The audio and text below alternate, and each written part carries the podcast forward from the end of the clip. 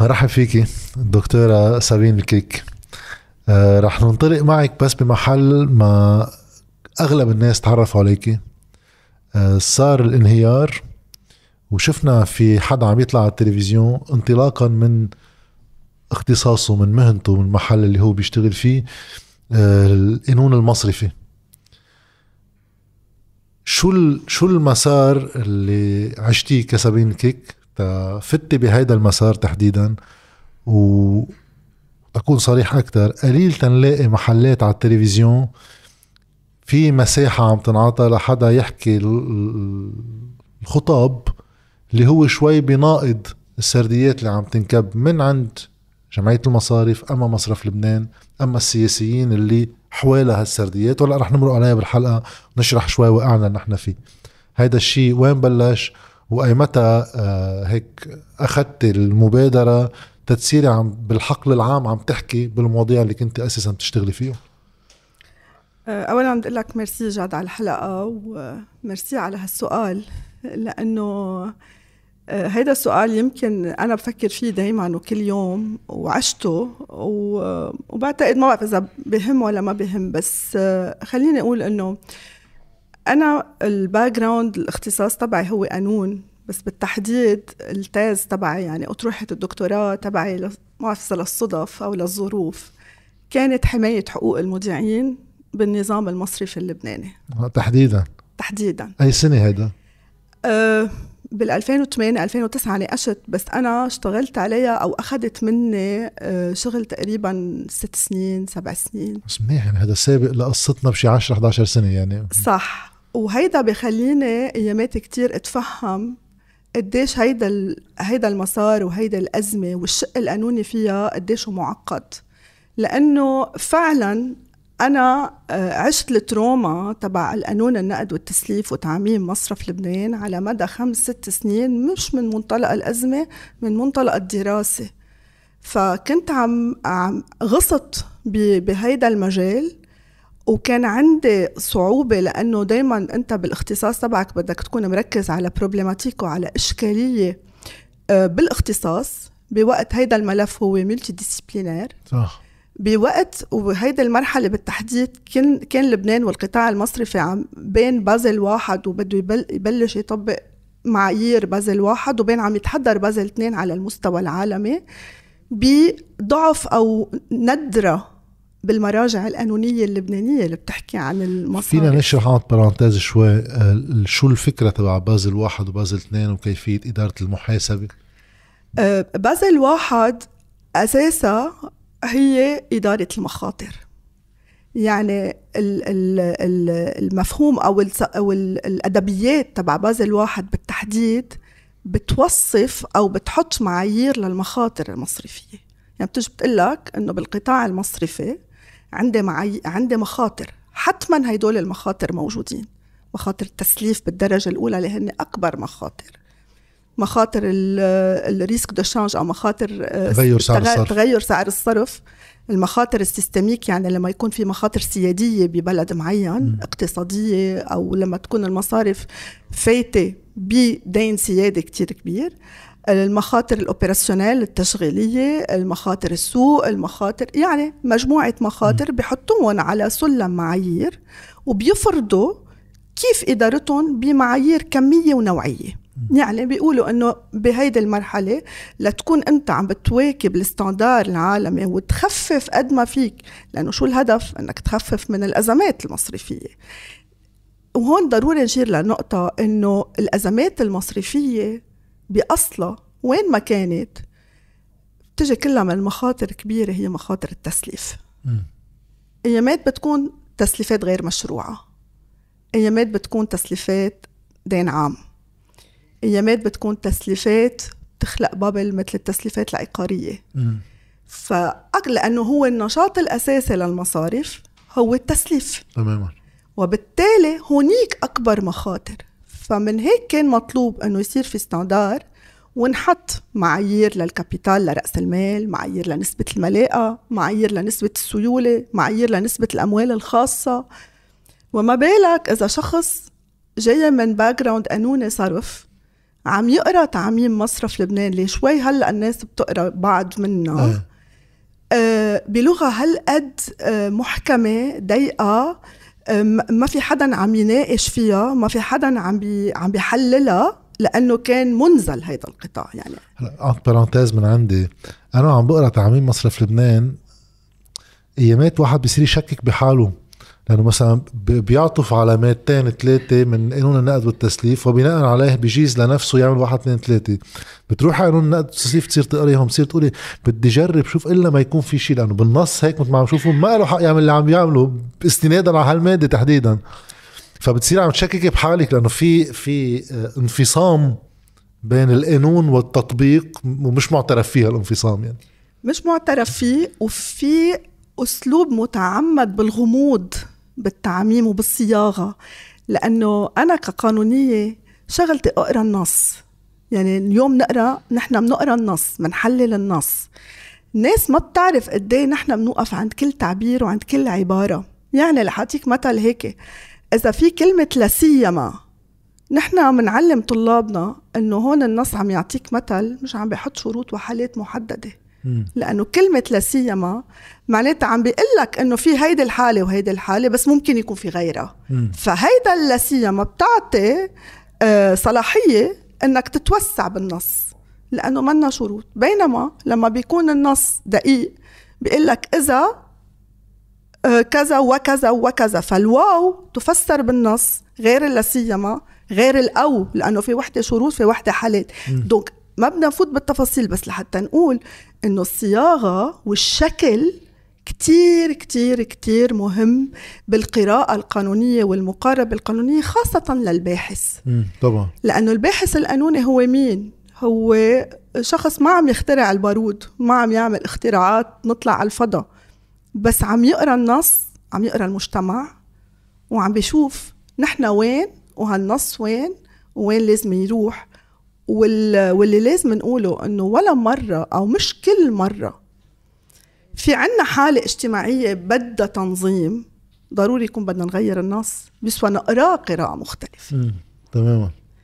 فهون كانت كان ال background الأساسي. بس للمفارقة اللي بدي أقول شيء إنه أنا بهيدا ال thèse اللي أنا عملتها قد ما كنت حريصة إنه أو ما قد ما كان صعب تقول للمحيط أو القانوني أو الاجتماعي اللي حواليك إنه ممكن يكون في مشكلة بهيدا القطاع. اضطريت أو بمرحلة أخذنا قرار أنا والأستاذ المشرف الله يرحمه إنه نشيل من التاز مرحلة توقف المصرف عن الدفع. وفليه لأنه كانت إنك عن شو عم تحكي؟ يعني إنه آه. إنه المصارف بدها تتوقف عن دفع؟ أكيد لا ما رح تتوقف عن دفع. فتخيل أنت كطالب تكون كتبت 100 150 صفحة بتاز تقرر تشيلهم لأنه ممكن إنه بركي الناس تشوفهم أو المحيط القانوني تبعك إنه ما يلاقيهم ذو أهمية.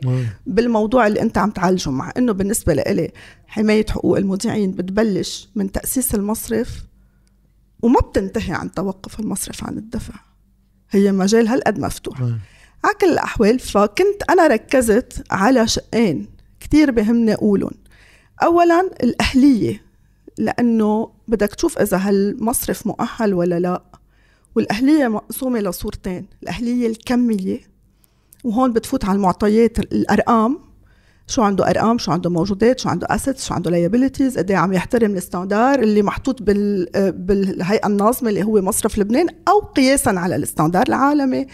والأهلية النوعية يعني كيفية إدارة هذه الشركات. مم. لناحية الحوكمه الشفافيه الالتزام بقانون تبييض الأموال أعرف عميلك واللي كانت كرمالها عم تتعقد. واللي هون أنا بدي أقوله إنه لا المصارف ما عندها لا بلبنان ولا خارج لبنان.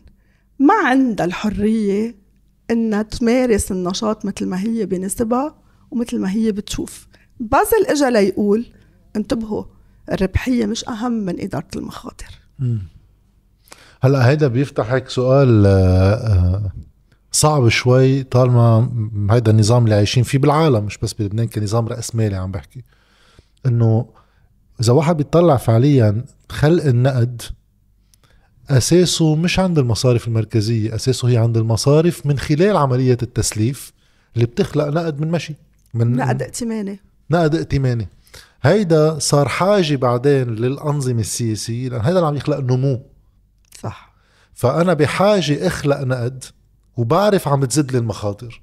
أكيد. فإذا إذا الرقابة على هالمواضيع منا دقيقة كتير الانفجار بصير تعلى مخاطره. فأنت بحاجة لهيدا الوهم اللي اسمه نقد.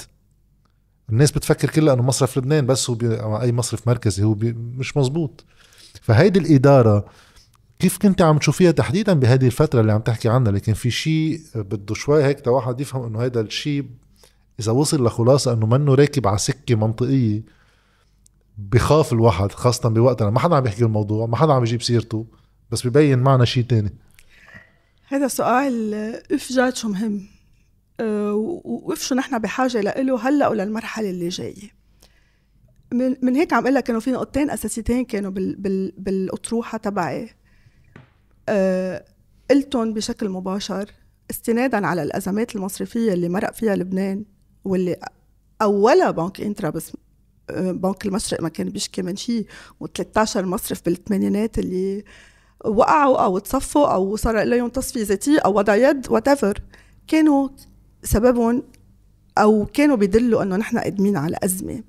sooner or later هيدا إذا بدنا نستعيرها من من الزلزال والناس كيف التنبؤات يعني.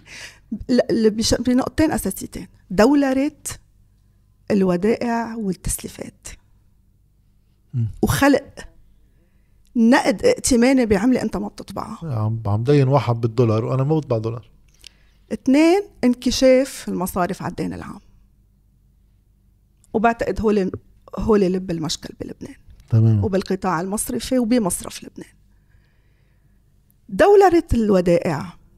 البيرو أكثر مشكلة كانت بالبيرو هي إنه كانوا مدولي مدولر كل شيء مش بشكل رسمي وشامل مثل ما هلأ في بعض النظريات بتقول تعالوا نروح على الدولة الشاملة، الدولة غير رسمية. بس أنت اليوم لأنه المصارف أو الناس كانت تفكر وما زالت إنه الودائع هن قوة للمصارف الودائع هن نقطة ضعف بالمصارف. عبء بدك تدفع عليه عبء. وكل ما أنت تدفع تكاليفهم أعلى بالفوايد كل ما يخليك لازم تسأل سؤال ليه عم بتكلف عليهم هالقد؟ وهل التكاليف بت يعني بقدر عوضها أنا بنشاطي التجاري؟ مثل أي businessman اليوم لما تدفع على الودائع كانت خمسة وسبعة وثمانية بالمية وت... شو ما كان الرقم. بدك تشوف قد إيه عم ياخذ مقابلهم على التسليفات. لتشوف ال risque ال opérationnel تبعه والتكلفة قد إيه عالية عنده. اثنين انت ليه عم تعمل هيك؟ انت لشو بحاجة لما لما عم بتقول؟ يعني مثل اليوم أنا ما معي مصاري. أه، أول مرة تدينت بفايدة 1% 2% من جارتي 3% بعدين لما صير ادفع أكثر هيدي مؤشر إنه في وضع مالي أو سيولة مش منيح. هالقد أنا بحاجة عم باخذ أنا بحاجة مثل لما تروح عند المرابي لا سمح الله لما حدا يروح عند المرابي كنا بالزمانات يقولوا بياخذ على ال 1200 ما لما تروح لهونيك ما أنت استنفذت كل وسائل التسليف العادية والطبيعية واللي بتناسب وضعك. تماما تماما. فهون نحن كنا فتحنا دولرة الودائع. ولا مرة القطاع المصرفي اللبناني كانت نسبة الدولرة فيه أقل من 70 77 بالمية وصلت لرقم كتير كبير. اثنين دو... الأخطر لما دولرنا الائتمان ورحنا على خلق bubble نقود بالبلد لأنه النقد هو مش بس العملة اللي بتطبعها التنجيد الورقية. الورقية ال banknote. النقد هي القدرة اللي أنت عم تخلقها بالاقتصاد تشغيلية لهيدي النقد. وهون اسمح لي جاد افتح موضوع الاحتياطي الإلزامي. هيدي المقاربة اللي أنا كنت دايما أولى ولا مرة آه إذا بدك اهتموا فيها المهتمين أو أو ما بدهم كانوا يسمعوا ما بعرف. إنه اليوم مثل ما قلت نحن بالقانون بنقرا بتسلسل. بند الاحتياط الإلزامي تحت أي عنوان جاي بقانون النقد والتسليف. حفاظ المصرف المركزي على السيولة النقدية وحجم التسليفات. ال réserve obligatoire هو ان إنه المصرف المركزي يقشط المصارف جزء من السيولة اللي عم تجي لعندهم ليضل هو قادر يتحكم بلعبة السيولة والتسليفات بلحظة من اللحظات. هيدا كمان هيك ضابط على المصارف من التفلت بخلق النقد من من القدرة الائتمانية يعني بدل ما يكون معك ألف دولار أو ألف ليرة بتقدر تخلق منها تسليف واثنين وثلاثة وأربعة وهون بنجي على نظرية قد مسجل بس قديش فعليا كان في كتلة نقدية بالعملات م. الأجنبية بلبنان بدل ما تسمح لهم على الألف عم تسمح لهم على 800 عم فعم بتخفف مخاطر. مخاطر خلق النقد الائتماني من دون ما أنت تكون عم تتحكم فيه. ومن هيك نص الاحتياطي الإلزامي بقانون النقد والتسليف ما كان على الدولار. تماما. هو بال 2002 يمكن انحط على الدولار ولا ثلاثة. صح بالتعميم. آه. فهون إيه بتقدر تقرأ بتعميم مصرف لبنان إنه استنادا إلى نص المادة 75 و 76 من قانون النقد والتسليف. أنا إلي حق آخذ احتياطي إلزامي. هون بتفهم أو بتخليك تحط علامة استفهام كيف بتقبل المصارف إنه تعطي احتياطي الزامي لمصرف لبنان 20% هي عم تتكلف عليه. تماما. يعني عم بتشيل من قدراتها التشغيلية 20% which is رقم كتير كبير بالقطاع المصرفي. خاصة إنه أنت عم تدفع عليه فوائد كتير عالية. عالي. يعني أنت عم تتكلف عم تقلي تعي أنا بعطيكي ألف آه، باخد عليها 200 بس آه، بيك بده ياخد 200 يعني أنت already نقص لي؟ توظف تطلع تقدر سكر. مشان هيك الاحتياط الالزامي منه ضمانه لحقوق المطيعين الاحتياط الالزامي هو ضمانة للسياسة النقدية للبنك المركزي ولقدرة التحكم بالسوق. ليش قبلوا بوقت المصارف؟ رح نقول. لأنه النص شو بيقول؟ النص بيقول إنه الاحتياط الإلزامي بحده الأقصى هو 15% على الودائع تحت الطلب. وهو 20% على الودائع لأجل. حولناهم من اللبناني للدولار بذات القواعد. آه لما البنك يقبل يعطيك 20% بيعرف المشرع إنه ما رح يقبل يعطيك اياهم for free فشو بيجي بقول لك؟ أنا بقدر أخصم لك أو أحتسب من ضمن هيدا الاحتياطي أي برنامج تسليفي أنت بتعمله طارحه مصرف لبنان. منه سندات الدولة وسندات الدين وسندات الخزينة. تحتسب من ضمن الاحتياطي يعني بدل ما أجي أقول لك أعطيني هلا 20% حطهم عند مصرف لبنان من دون فوائد. عم أقول لك من ال 20% اللي هن بيطلعوا 100 دولار رح آخذ منهم 50 أنا إذا أنت بتقبل روح بدك تستثمرهم. إيه استثمرهم مع الدولة. ترغيب. طيب قد إيه نسبة احتساب بس على شرط إنه الناس بيترك له لمصرف لبنان هالنسبة يعني قد إيه أنت بدك تاخذ من الاحتياطي الإلزامي أو من هالتسليفات وتحتسبهم ضمن الاحتياطي الإلزامي؟ بمصرف لبنان وبالتعميم 90% من الاحتياط الإلزامي كان سمح لهم مصرف لبنان يحطوه بتوظيفات بسندات للدولة. يعني ترغيب كبير إنه روحوا على هذا المحل وخلوا السيولة الفعلية معكم. وأكثر من هيك. إذا بنقرأ التعميم بالتفاصيل بنشوف إنه تحتسب قيمتها الإسمية. يعني؟ يعني اليوم اليورو بونز بنعرف إنه له قيمة إسمية قيمة إصداره بس له قيمة بالسوق مختلفة تماما حسب هلأ عم تقشط وتقشط إيه، وتقشط. فهن بيحتسبوه من ضمن الاحتياطي بقيمته الإسمية ومع الودائع مع الفوائد كلها مسبقا. آه. مهينين كثير يعني. وبيحتسبوه من نسبة السيولة بأيامات كتير. فإيه هالقد ما نستغرب نحن أو ما نحس حالنا ك كلبنانية إنه إف هالقد ما كنا منتبهين إيه فينا ما نكون هالقد منتبهين؟ يعني في تقنيات صعبة. كثير صعبة. ولليوم أنا بقول لك أنا بقرأ النص وبقرأ التعميم وبفسر لك يعني بتوقع شو الوضع. بس أنا ما بعرف الأرقام صحيحة. بعرف الأرقام اللي بيحطوا لنا إياها. بس برضو أنا كقانونية مش شغلتي أقرأ الأرقام أنا شغلتي أقرأ النص. ومن هيك لما أنا طلعت طلع موال الاحتياطي الالزامي وما تخفضوا الاحتياطي ورحنا قدمنا قانون مين قال لكم إنه مصرف لبنان ما بيقدر يخفض الاحتياطي؟ ما هو مش ملزم بحد أدنى. هو ملزم بحد أقصى بالاحتياطي الإلزامي. الاحتياطي اللي مصرف لبنان ما بيقدر يلعب فيه. هو الاحتياطي اللي بيحطه على إرباح المصارف. اللي بتش... اللي بتشيلها أنت كل سنة من رأس مالهم ومن أرباحهم بتكون فيها احتياطي مخاطر. بس إذا كنت عم تشيلها باللبناني طبعا ما رح تلاقيها اداره ما رح تلاقيها يعني. بتكون أه. عم تعملها بالشكل بس ما لها بالمضمون ما لها قيمة. وهذا اللي صار بكتير محلات إنه تطبيق بازل ما كنا نحن يعني قدام المؤسسات أو المنظمات الدولية أو الراعية أو آه، آه، أو بنك التسويات الدولية نحن ما كنا منا ملتزمين. نحن كنا ملتزمين. شكليا ملتزمين. بس مراهنين على فرق العملة على العملة المثبتة على إذا نحن ميزانيتنا بالعملة اللبنانية ولا بالعملة تمام. الأجنبية بس ب... تحتهم كانت كل المخاطر موجوده مثل الفول مثل البركان أو مثل طيب بوقتها وقتها كنت عم توصل لهالخلاصات والجو بالبلد كان مختلف تماما. كله تمام آه، حاكم مصرف لبنان بياخد جوائز مصرف لبنان لا يشكك بدوره. تثبيت سعر الصرف لا يشكك بمن وين وكيف وشو كلفتها ما كنت عم تحسي إنه هيك بشك هل أنا مغلطة شي محل أما كيف هاي راكبة؟ آه، شك كبير. تعرف ليه؟ لأنه اللوبي ال- آه، هيدا المجتمع المصرفي المالي ما كان مفتوح للقانونيين إلا القانونيين اللي لهم يعني أنا ما خليني أقول أنه أنا بوقتها ما اخترتها لأني كنت شايفتها قضية رأي عام. أنا اخترتها لأنه فتت بمسار الدروا دي زفير قانون الأعمال. أه، بلشت بأول مرحلة بحثية ب- أه، بموضوع كمان بوقتها كان كتير مهم وما زال كتير مهم موضوع التبرع مم. ووهب الأعضاء. وكمان كان كان وقتها ما حدا تقريبا كاتب عن هذا الموضوع واشتغلت مع اللجنة الوطنية لوهب الأعضاء و- وجامعة الدول العربية وهيك. وأنا بالأساس كنت بدي اخذ بأول مرحلة بحثية اللي هي ال mémoire هيدا الموضوع. أستاذي وقتها الله يرحمه اللي كان حدا من أعضاء الهيئة المصرفية العليا. قال لي لا bancaire بال mémoire ثقيله يعني بدي صعبة.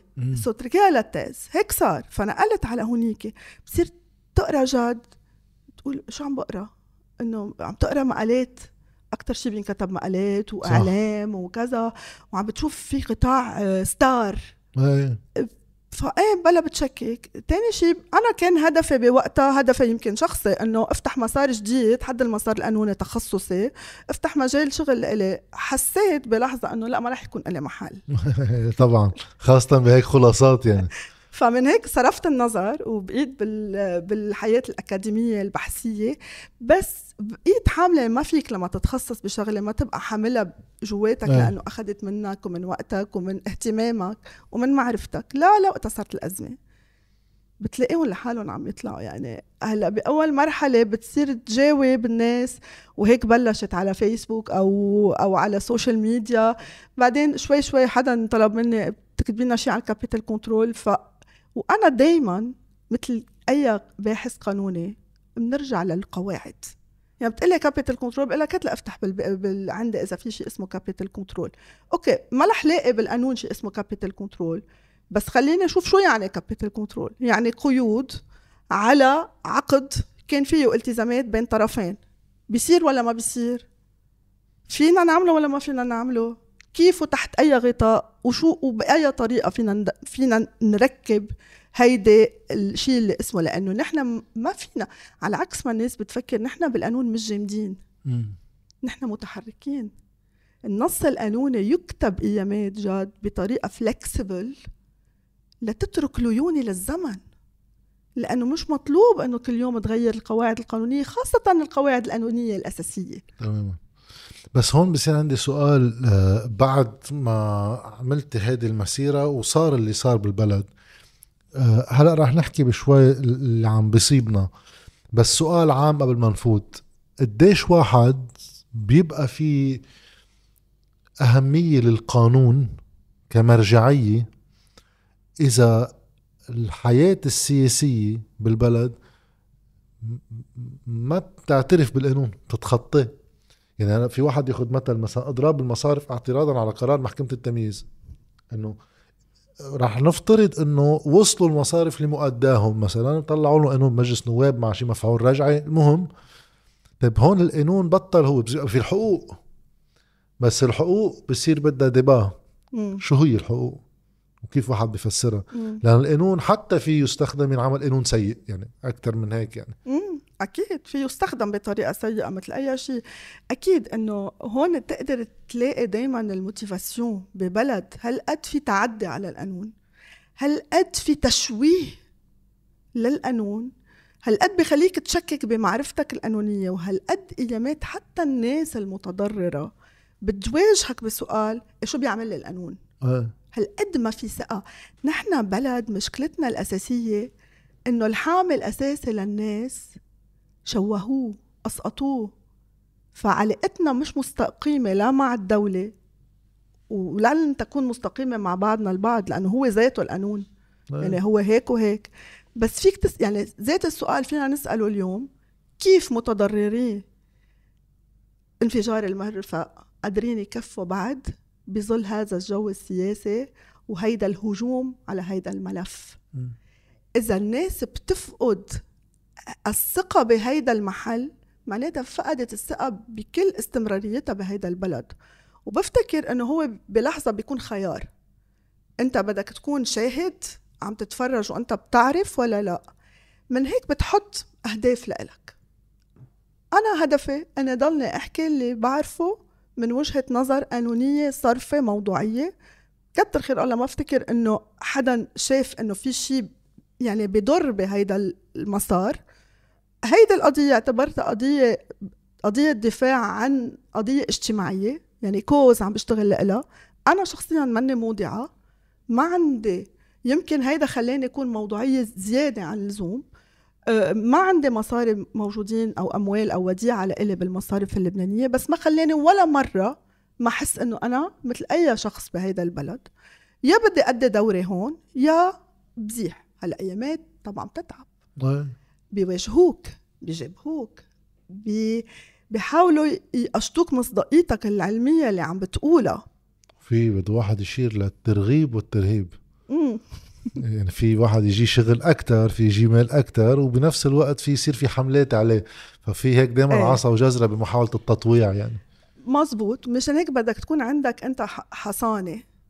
إنه أنا هيدا الموضوع بدي آخده لأستفيد منه على المستوى الشخصي بمعنى بما يضر بالقضية إنه بدي أقدم مصلحتي الخاصة على مصلحة هالقضية اللي أنا اخترت إنه يكون آه، آه، حملتها ولا لا. المصلحة الثانية إنه كمان تستنزفك لإنه إذا أنت ما عندك تمويل لمركز أبحاث عم تعمل جهد شخصي عم تعمل. جهد شخصي. يعني في أيامات كان في ناس حتى كتير قراب لإلي يقولوا لي كيف بعدك قادرة تستمري يعني في أيامات أنا ما بملك لا معلومات ولا اتصالات عالية المستوى وعندي صداقاتي هون وهون وهون وهون بس أنا ما بفتش على المعلومة اللي بتجي من الأبواب المغلقة. أنا بقرأ بالرغم من هيدا كله في أيامات حدا يتصلوا فيا أنت عم تحكي مع صندوق النقد؟ ما بدها هالقد. إيه، الباحث هيدي شغلته. تماما. إنه يقرأ الأدبيات المسار التاريخي آه، آه، ويتجرأ يقول رأي لو كان بخالف المجموعة. وبعدين بعتقد كل واحد يعني هذا الخوف دائما إنه على هالأمور شو بتهدد بالكارير كل واحد بيبرع بشيء بده يدبر حاله مش مش إيه. ما في يعني مشكلة. بدأ صح مزبوط. هلأ ال- ال- المحل اللي رح بلش فيه آه، بي- بيفتح لنا باب. اليوم جمعية المصارف بحالة إضراب. ومحاولة هيك الإيحاء بتصعيد. اعتراضا على قرار قضائي بالآخر. طلع بحق مصرف تجاه مودع إنه يرد مصرياتهم بالعملة التي أودعها بها مش بشيك. واللي بنسمعه حول هذا الموضوع إنه المصارف فعليا شو عم بتطالب؟ بإقرار قانون ال capital control لأنه بيمنع الدعاوى. هلأ أول شيء هيدا هيك مثل ادانه لقانون ال capital control أنا مش مفروض تكون شغلته يعني على كل حال. بس هل فعليا في يطبق يعني حتى لو اجى هذا القانون عملوا له قانون مجلس نواب إنه كل الدعاوى السابقة واللاحقة لهذا القانون آه، بيسري عليها القانون فتسقط الدعاوى أم تعلق. في قانون يطلع بمفعول رجعي هيك شغلة؟ آه لا. اولا المفعول الرجعي أم، حالة جدا استثنائية بالقانون. ما بت ما لا يمكن اللجوء لها إلا إذا كان ما سيقره القانون أكثر نفعا. أكثر نفعا للناس. للفريق الأضعف دائما وهون لازم نقول إنه القوانين دائما بدك تشوف النص مين من يقصد بالحماية. بعقود الاذعان اللي هي المصارف آه، يعني العقود المصرفية اللي هي عقود فيها طرف قوي وفي شخص مضطر يلجأ لهيدي الوسيلة ليفتح حساب لوات ايفر ما في يكون الفريق الأضعف هو أصلا الفريق الأضعف هو إذا بدك دايما المحترف هو الفريق الأقوى والمستهلك العادي هو الفريق الأضعف. طبعا. بعقد العمل رب العمل هو الفريق الأقوى العامل هو الفريق الأضعف. فبهيدا النوع من العقود آه، إذا لمصلحة المودعين إيه في يكون له مفعول رجعي بس إذا مش لمصلحة المودعين أو الطرف الأضعف المقصود بالحماية أكيد لا هي شغلة بس أنا رح روح معك أبعد من هيك جاد ورح أقول أه رح أقول رأي قانوني أنا قدمته للجنة اللي ناقشنا فيها م. كخبراء قصة ال capital control وقدمته مكتوب وأصريت إنه بال بال document ال écrit اللي بدي أقدمه حط سلسلة ملاحظات قانونية مكتوبة لتضلها مكتوبة لو ما ناقشناها وقتها على الطاولة إنه مش بس ما فيهم يقروا القانون بمفعول رجع. إذا بدنا نرجع نحكي قانون هلا بدي فينا نقنع ولا ما نقنع بهيدا الاستراتيجي بس هيدا النوع من العقود هو عقود متتابعة التنفيذ. يعني العقد المصرفي مش عقد بينتهي بلحظة مستمر. وبهيدا النوع من العقود يسري عليها دايما القانون الذي أنشئت في ظله. عظيم. بس بس يعني أبعد من هيك. يعني ما فينا نغير اليوم شروط العقد المصرفي بين المصارف والمودعين بين كل مصرف وكل مودع لأنه هي تختلف هذه صحيح. العقود.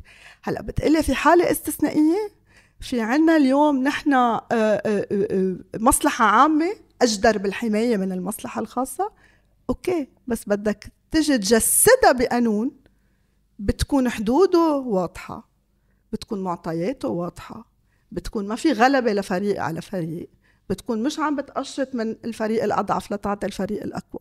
بس إذا بدك تجي اليوم تقرأ القانون بشو نتائجه وشو أهدافه رح تلاقي إنه هو بيضرب كل المسار. ومن هون أنا بقول لهم بالخارج أكيد لن تعل... لن يعلق تنفيذ الأحكام لأنه بآخر version قدموها بال capital control كانت مش إنه يطبق بمفعول رجعي أو يسري على الدعاوى كان يعلق تنفيذ الأحكام الصادرة. إنه إذا بدنا نسلم جدل فيكم تعلقوا وتمونوا بلبنان ما تنفذوا الحكم. فيكم تخبروني كيف بتعملوا قانون تتعدوا فيه على السيادة القضائية لدولة أخرى؟ يعني شو عندكم معطيات قوة وراء ضغط؟ إيه، مش أمريكا نحن.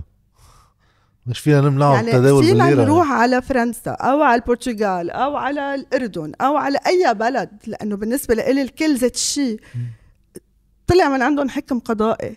تعمل يعني ضغط عليهم. قانوني حتما ما فيك تعمله. ولا سياسي. لأنه عم بتمثلهم بمصداقيتهم. وسياسة منك بالموقع اللي بيسمح لك تعمله. لكن انت يعني كيف؟ هيدا بحسه بس لرد على الناس من استكمال الدعاوى بالخارج لأنه ما له يعني لا يطبق بالخارج عم بحكي. أنا برأيي أساسا كله ال capital control بهيدي اللحظة هو بس ليصير معه ورقة بين إيدي المصارف لأنه مفعوله كمان منه حالي واني وفوري. ما عندنا رئيس جمهورية يوقع القانون. ما في يصدر بالجريدة الرسمية. م. وبالتالي يعني أقروا مجلس النواب بس نفاذه مش رح يبدأ من هلأ.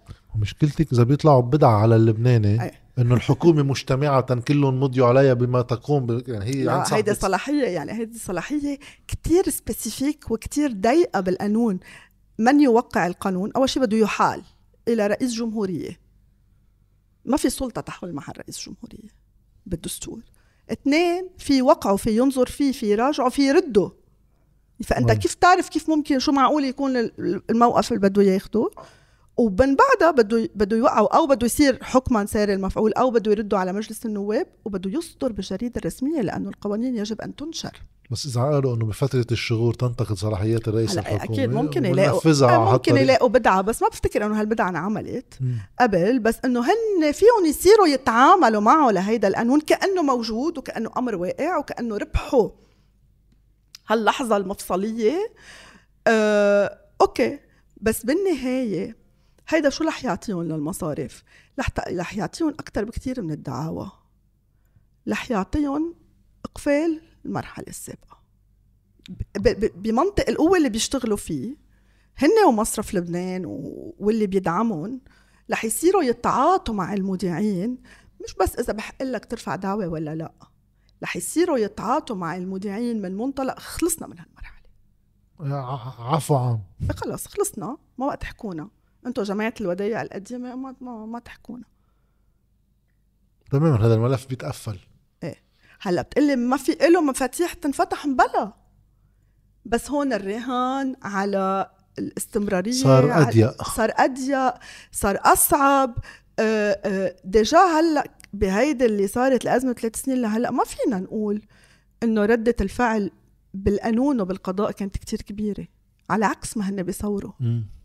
يعني غير ملفات صغيرة. عم نحكي الازمه هالقد كبيرة. هي ماشي نسبة للي صار. أفراد يعني. آه، ذكرت شغلة إنه إذا لمصلحة الطرف الأضعف في واحد يروح باتجاه مفعول رجعي احميه طيب هاي بتفوتنا على سردية قد يعتمدونها للتبرير واللي سمعناها بهداك الاجتماعات يعني إنه هو حماية للمودعين نحن بدنا نمنع الدعوة. ليش؟ لأنه المال اللي رح يطلعه فلان هو فعليا على حساب فليتين امم ما هن أساسا أضافوا للعنوان. قانون القيود على السحوبات النقدية والتحويل المصرفية وحماية حقوق المودعين.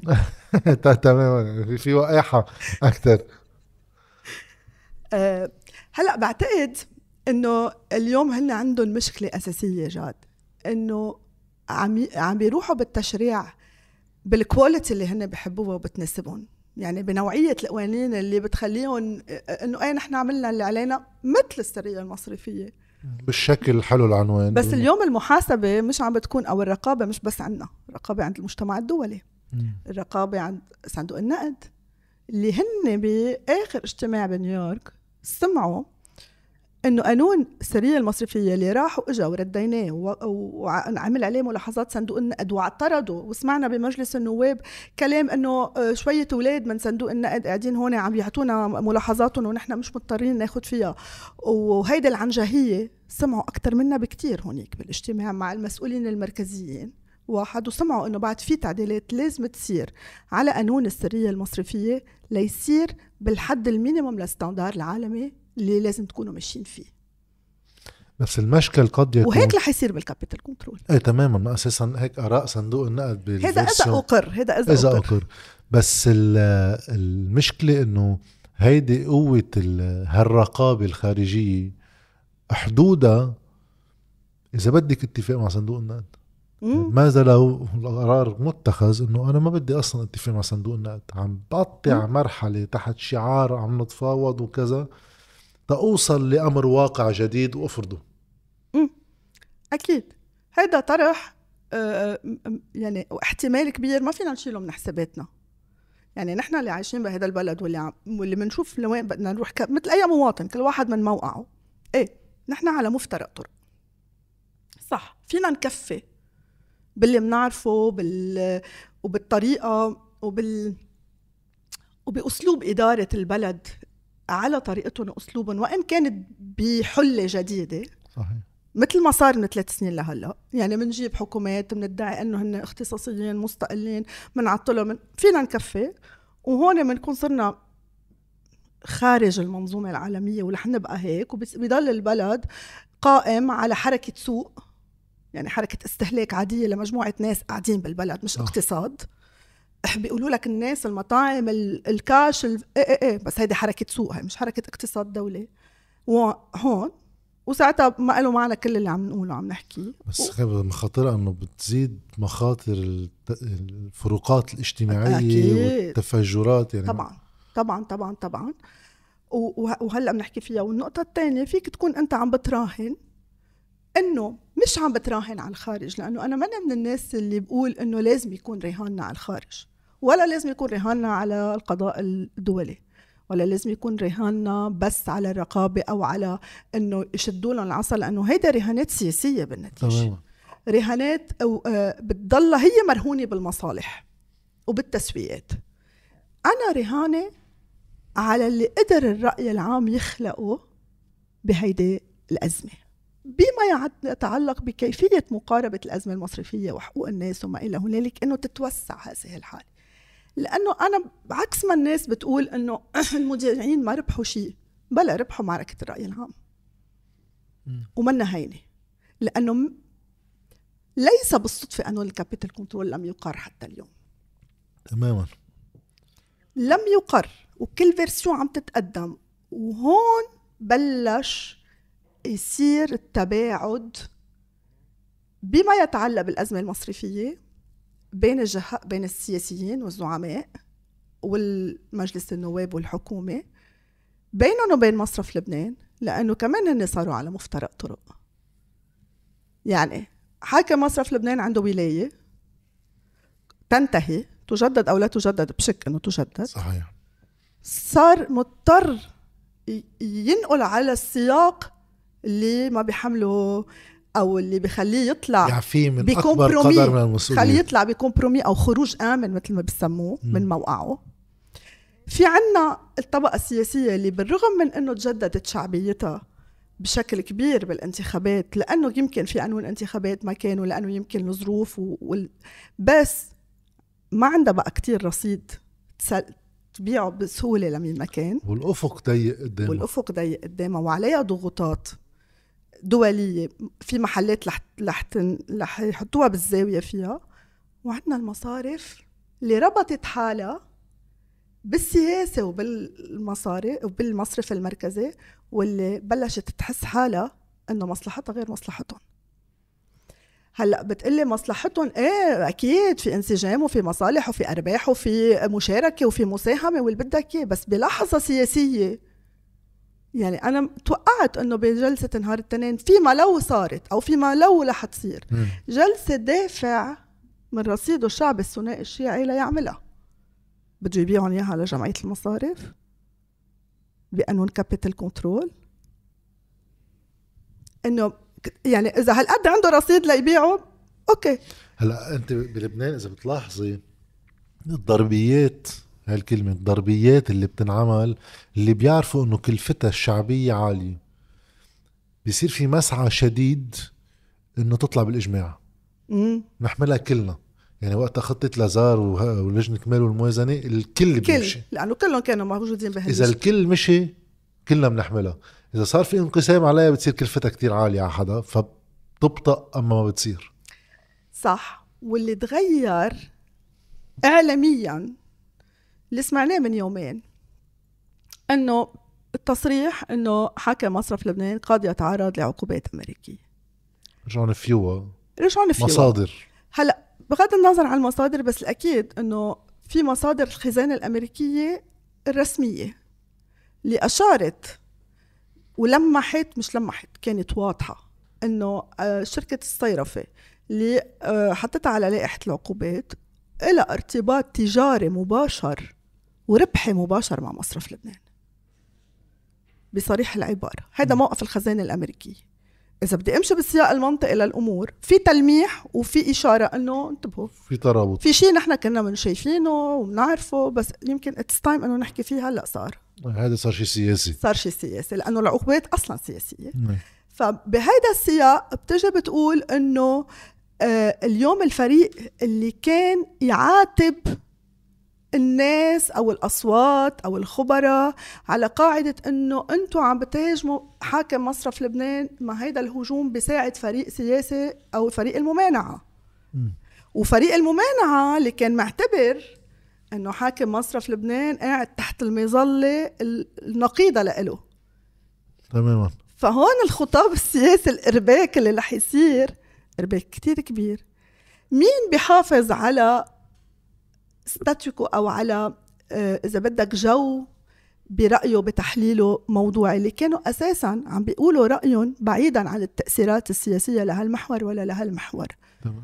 وبالتالي هون دورنا هلأ إنه نحن نعرف إنه قادمين على مرحلة مقبلة بأزمة المصرفية. إلى وسائل جديدة إلى طرق مواجهة جديدة إلى أساليب أو إلى سقف جديد. و نحن بنضوي عليها والمذيعين بيقرروا لوين بدهم يروحوا فيها. تماما. إذا واحد هلأ رح نحكي شوي بس حسأل سؤال قبل عن عناوين المرحلة المقبلة بكيف وصلنا بستركتور. آه، واقع المصارف واقع المصرف المركزي احتمال تضارب بالمصالح قريبا. أه نحط السلطة السياسية هيك لحالها على جنب علما إنه الترابط موجود دائما بس رح أسأل سؤال قبل عن شغلة كمان أنا ضويت عليها لأن لفتتني أه نهار الخميس بهيدا التقرير النصف شهري لمصرف لبنان. أه تحت عنوان تغير سعر الصرف بده يغير بأرقامه حكما. آه بيقول رواية بيكتبها بفوت تحت يعني بفسرها بالتفصيل إنه هو لحدود سنة 2007 كان يمارس ممارسة تقليدية بأنه ببيع الدولة دولارات لما تعوز الدولة دولارات. من رصيدها عندها رصيد تشتري في دولارات بالليرات اللبنانية إذا كان تدفع عليه سفرات بالخارج ولا شو ما كان. من 2007 هو زاد طلب تيعطيها دولارات بيقول أولا بدكم تجيبوا الرقم بالليرة اللبنانية تحطوه عندي. كان بوقتها 1005 هيني الحسب حسبي وبنفس الوقت هيدا مبيع فيكم من انكم بدكم تردوا لي المبلغ بالدولار بوقت لاحق بقى صار في دين. لإله على الدولة. وبيقول إنه كان في رصيد بالليرة اللبنانية لحدود ما تغير سعر الصرف يعني ل 31 1 2023 كان بالليرة شكليا هو ناطرهم بالدولار بس هو شكليا بغطي شو عاطيكم بالدولار. غيرت سعر الصرف وبنتيجة الأرقام صرتوا أنتم هلأ بدكم تدفعوا لي كدولة لبنانية 16.5 مليار دولار. فهو عم يسجل ديون. هلا واحد بيطرح كثير علامات استفهام انه وقت واحد يصير في هالنوع من العلاقة مع الدولة هي مفروض يصير في اتفاق بين اثنين. كيف بيصير؟ كيف المصرف المركزي يقرض الدولة دولارات؟ آه غير إنه نقد والتسليف ما كثير بيسمح له يعني بس هذا كيف بيصير عمليا؟ آه هيدا له شقين الإجابة على هذا على هالسؤال. هلأ أكيد في أمور تقنية وبال وبال بالتركيبة المالية والمحاسبية لمصرف لبنان. طبعا في ناس خبراء بهذا الموضوع أكثر مني يجاوبوا عليها بس خليني أقول بالنص. اليوم عندنا نصين فينا نحكي عنهم بهيدي النقطة. النص الأول هو اللي بيقول ورح نقراه هون إذا بدك جاد. آه اللي بيقول عم نحكي بقانون النقد والتسليف؟ بقانون النقد والتسليف كيف مصرف لبنان هلا بعدين نقول كيف بدين الدولة. بس خلينا نشوف كيف هيدا الحسابات بينه وبين الدولة. بقسم تحت عنوان الأحكام المالية المادة 114 بتقول تقيد موجودات المصرف مصرف يعني مصرف لبنان من ذهب وعمولات أجنبية في محاسبته بما يوازي قيمتها بالسعر القانوني للليره اللبنانية. يعني اليوم بالمحاسبة الرسمية لمصرف لبنان ما بيسجل موجودات لا الذهب ولا العملات الأجنبية نقد أجنبي. م. لازم يسجلهم بالسعر القانوني للليرة السعر القانوني للليرة اللي بقي لحد امبارح 1500 1500 أوكي؟ ويفتح باسم الخزينة حساب خاص. باسم الخزينة. عم نحكي هون سنة وزارة المال الحكومي تقيد فيه الفروق بين ما يوازي موجودات المصرف من ذهب وعملات أجنبية بالسعر القانوني وبين السعر الفعلي لشراء أو بيع هذه الموجودات. وهيدا النص الوحيد بقانون النقد والتسليف اللي بيحكي عن السعر القانوني والسعر الفعلي. م. الأرباح يسجل فيه أيضا مش بس الفروقات يعني إذا أنت مسجله على 1500 هالقد بس هو افكتيفمون بالسعر الفعلي عندك مش بالسعر الفعلي الأرباح أو الخسائر الناتجة في موجودات المصرف. يعني هو عارف مسبقا قانون النقد والتسليف. إنه للحفاظ على استقرار الليرة أو لتلبية حاجات الدولة بالعملات الأجنبية في هالصندوق اللي بده ياخذ منه مصرف لبنان ليعطي الدولة واللي هو بالنتيجة رح يرتد حكما على حساباته بالآخر. فبيقول الأرباح والخسائر الناتجة في موجودات المصرف والعملات الأجنبية عن تعديل سعر الصرف القانوني. ف وبتكفل 116 بس رصيد الحساب؟ بس الرصيد هون في مشكلة إنه الرصيد المدين. يعني هو المشرع عم بيقول لك هالرصيد في يكون مدين في يكون دائن صح. الرصيد المدين اللي بيستحق الأداء وقيمته ما بتتجاوز الدين. يعني قيمة الخسارة إذا بدك بهالصندوق ما بتتجاوز ال 25 25% it's okay 25% من أصول؟ من من نسبة لموجودات مصرف أي. لبنان. طالما ال- ال- آه، الخسارة ما بتتجاوز ال 25% من موجودات مصرف لبنان بالذهب وبالعملات الأجنبية هالفرق السعر؟ ماشي الحال. لما بتصير 25% بدها تجي الدولة تسكر هذا العجز. لكن ليه ما كانت عم تسكر هذا العجز من زمان؟ هل مصرف لبنان وجه كتاب إلى المسؤولين؟ بيقول لهم تعوا أنا في مسؤولية علي صارت الخسائر من 2007 لليوم أو ما بعرف من إمتى لهلأ كثير كبيرة؟ ولا شو عم بيصير كان هونيك؟ هيدا النص وهيدا الرصيد للأسف جد إنه ما كان موجود بال balance sheet تبع مصرف لبنان. يعني اللي بنقرا ال balance sheet لأنه في يكون دائن في يكون مدين. وهيدا الرصيد لازم إذا أصبح هذا الرصيد دائنا لازم يعطيهم للدولة مش لإله. إيه. هلأ هو آه، مرة سألت عن تاريخيتها وفي وسام لحام مرة كاتب شغلة صح. هيك مطولة عنها. قصة إنه قانون النقد والتسليف كله بعده بيعتبر إنه سعر الصرف هو آه، آه، جرامات محددة من الذهب. مم. وبوقتها اللي صار إنه صار سعر الذهب الرسمي شيء وبالسوق شيء تاني. عم عم بيغلى سعره أكتر. فلمحاولة ضبط سعر الصرف اللي هو مرتبط بسعر الذهب صار في هيدا الصندوق اللي مفروض يعمل عمليات معقول تخسر معقول تربح تيقدر يوازن. المشكل بقانون النقد والتسليف إنه وقتها صار في عنا نحن سعر صرف غير مرتبط بالذهب ما عنا نص قانوني بنقدر نرتكز عليه بينا ماشيين هون. بس قلتي لي شغلة قبل الهوا إنه آه، قيود الدين بين مصرف لبنان والدولة يعني هو دائما بيقول إنه دولة فاسدة مم. فأنا أعطيتهم المصريات. بس هن صرفوها.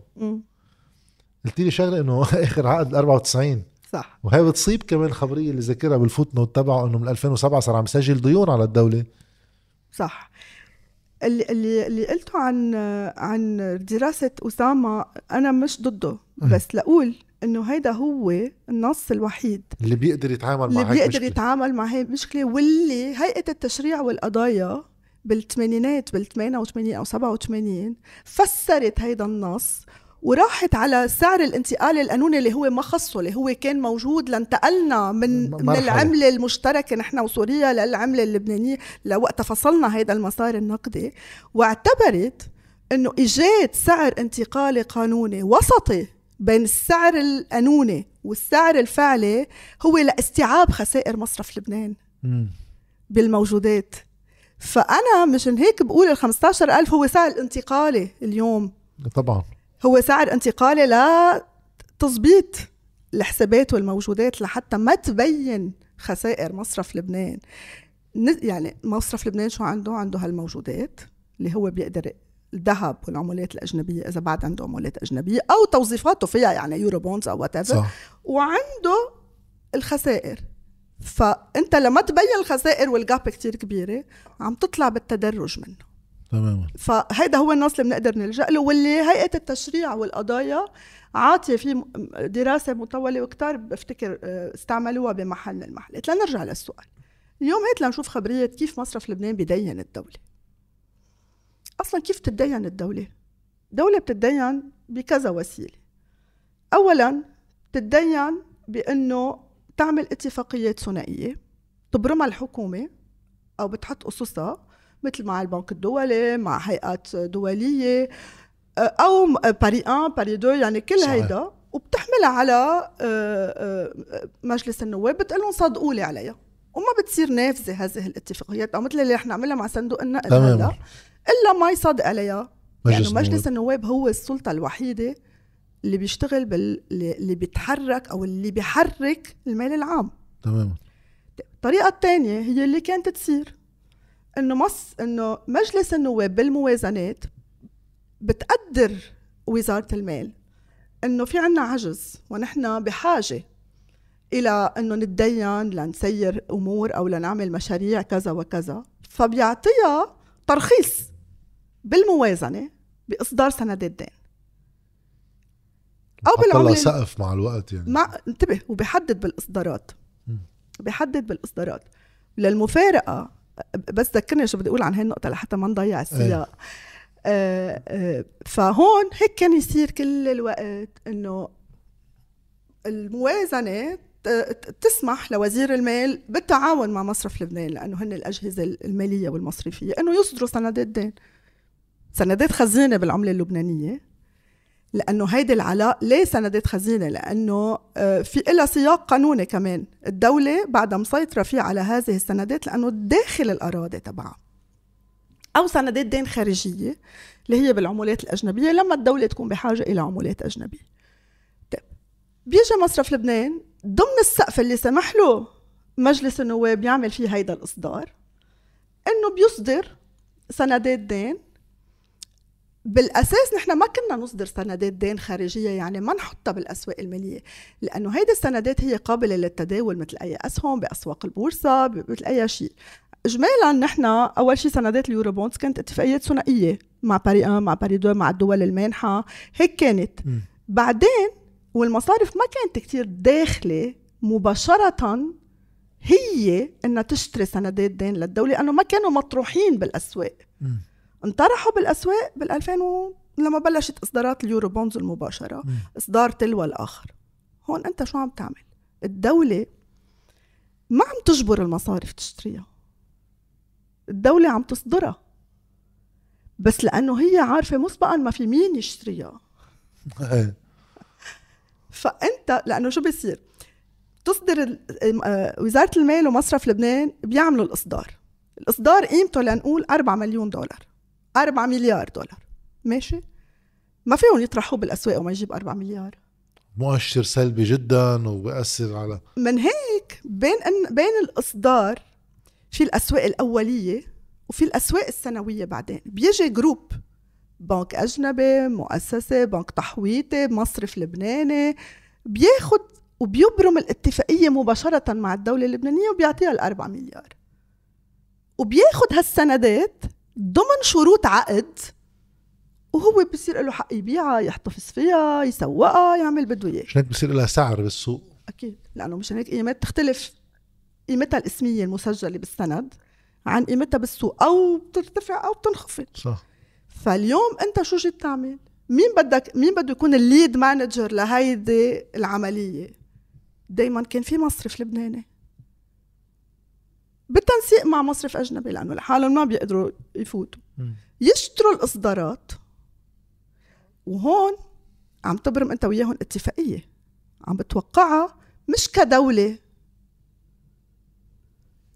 يعني عم تعمل أنت وياهم مثل إذا أنت بدك تعمل lead manager لسندات دين آه ب آه بالهند. أنت عم تعمل معهم كمستثمر. إيه طبعا. عم تقرأ العقد شروط العقد والوصف لأنه العقود مطولات. أيه. الوصف الوضع الاقتصادي المالي المصرفي النقدي بكل شيء وبتوافق عليه لأنه الشروط اللي أنت بتوافق عليها بهيدي المرحلة أنت يعني المرحلة اللي بتربط تمشي على كل الناس اللي بيشتروا من بعدك السندات. أيه. ما فيهم يغيروا بالشروط خلص صار في سند بعدين بينباع ضمن شروطه. ضمن شروطه. okay. طيب. هون بهيدا المسار فينا نقول entre parenthèses حدا أجبر المصارف اللبنانية حدا بتحدى وهي مش أول مرة بقولها حدا يقول لي في قانون أو موازنة وحدة بتقول مجبورين هول الإصدارات يشتروا من المصارف اللبنانية. لا ما في أكيد ما في. إيه. ثالث طريقة كيف تتدين الدولة؟ تروح على مصرف لبنان. في يفتحوا الناس فكرنا بالأول إنه هيك عم بيصير بيناتهم إنه آه، تسهيلات على الحساب اللي هي إنه تسهيلات صندوق بينه وبين الدولة وهيدي حدودها كتير قصيرة ومداها مداها الزمني قصير وقيمتها حجمها صغير. حجمها صغير وما بتلبي الحاجة اللي كانت موجودة. الحالة الثانية هي نص المادة 91 من واللي أنت جد صرت شرحها مطولة. اللي بحط كتير قيود كثير يعني لما لما يعني المشرع last resort لما المشرع يحط كتير قيود معناتها ما بده إياها تصير. إيه. لا وتقريبا عم بيذكر ما بده إياها تصير يعني. وأنا بعتقد بمقابلة معك الوزير سابا كان مم. عم بيقول إنه نحن بمعنى إنه لما تعدلت لأنه هيدا المادة. تعدلت إنه لنقيد الصلاحيات اللي هو عن... عدلها بوقتها. أوكي. يعني يعني انت بدك تشوف الأسباب الموجبة والمشرع لما يقيد النص ما بيقيده هيك لأنه طالع على باله اليوم يكون هيك شكله النص لا بيقيده ليقيد الصلاحية ليقيد لأنه عارفها أنه حالة استثنائية. طيب هيدي كيف بتصير؟ لو صارت لنسلم جدلا إنه استنادا للمادة 91 مصرف لبنان دين الدولة. جي عمل اتفاقيه مع وزارة المال توافق عليها الحكومة. في اتفاقيات موجودة. هلا بنقول أي متى؟ هاي الاتفاقية بدها تروح على مجلس النواب لأنه هيدي مش عاطي فيها تصريح مسبق آه، مجلس إيه، النواب. صح. هيدي مش موافق عليها مسبقا بالموازنة. هيدي أساسا أنت بتعملها مع الحكومة لحاجة معينة وبتروح بتعطيها لمجلس النواب ليصدق عليها. أكثر من هيك. مع المؤسسات العامة واللي منهم كهرباء لبنان. مصرف لبنان ما بيقدر يدينهم إلا بضمانة الدولة ووزارة المال. يعني بيجي بت... ما بيقدر يدين مؤسسة عامة. إيه. المؤسسة العامة بتجي بتقول أنا بكفالة وزارة المال أعطيتهم قرض عقد قرض وفي عقد يوقع من الفريق الأول للفريق الثاني بقيمة كذا وكمان بده يروح على مجلس النواب. بأبحاث القانونية بالجريدة الرسمية وبالمنشورات الرسمية وبمحاضر مجلس النواب. فينا نقول آخر عقد موقع مباشرة مع الحكومة كان مصرف لبنان والحكومة؟ مصرف لبنان والحكومة. كان بال 91 وكان في تجديد لاتفاقية قرض أو رفع سقف اتفاقية قرض لمؤسسة كهرباء لبنان بال 94 على أيام ميشيل خوري. ميشيل خوري؟ أي كان حاكم مصرف لبنان بهذه المرحلة قبل رياض سلامة. بتس- إذا بتذكر صح ذكرت رياض سلامة اجى بال 93 يمكن يعني أو آه. بتلات يعني بهيدي المرحلة بالتسعينات كان في اتفاقية قرض بين مصرف لبنان بضمانة الحكومة لا آه، مؤسسة آه، كهرباء لبنان ورفع لهم السقف ورجع راح على مجلس النواب وصادق مجلس النواب على السقف الجديد وبالدولار الأمريكي. آه، ونشرت بالجريده الرسمية. ونشرت بالجريده الرسمية.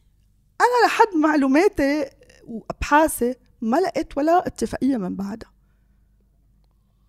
سؤالي كيف كان مصرف لبنان عم بدين الدولة؟ سؤال هلا ما المشكلة بهول الاسئله قديش واحد قادر يعرف أكثر من أبحاث بتنعمل على شو في قوانين شو شو الآلية الطبيعية إذا آه، محاسبة مصرف لبنان مسكرة يعني ما في واحد فعليا يحط إيده عليها يعني اليوم. كل الوقت نوصل على نفس المشكلة إنه وقت واحد بشوف بس. لا مفروض بالمبدأ إنه هذه القوانين إذا نوقشت أو هذه الاتفاقيات إذا نوقشت بمجلس النواب أن تصدر يعني في محاضر في محاضر جلسات في قوانين تنشر في الجريدة الرسمية. ما أصلا تنشر في الجريدة الرسمية. تماماً.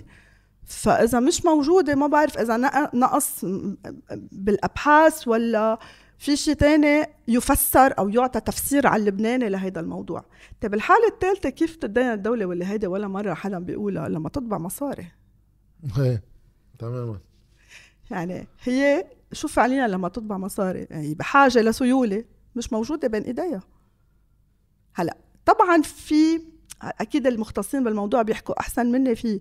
طبعا في هامش سنوي اجمالا آه، الدول بتمشي فيه لأنه آه، الكتلة النقدية ما بتعود تكفي صح. السوق والاستهلاك وكذا.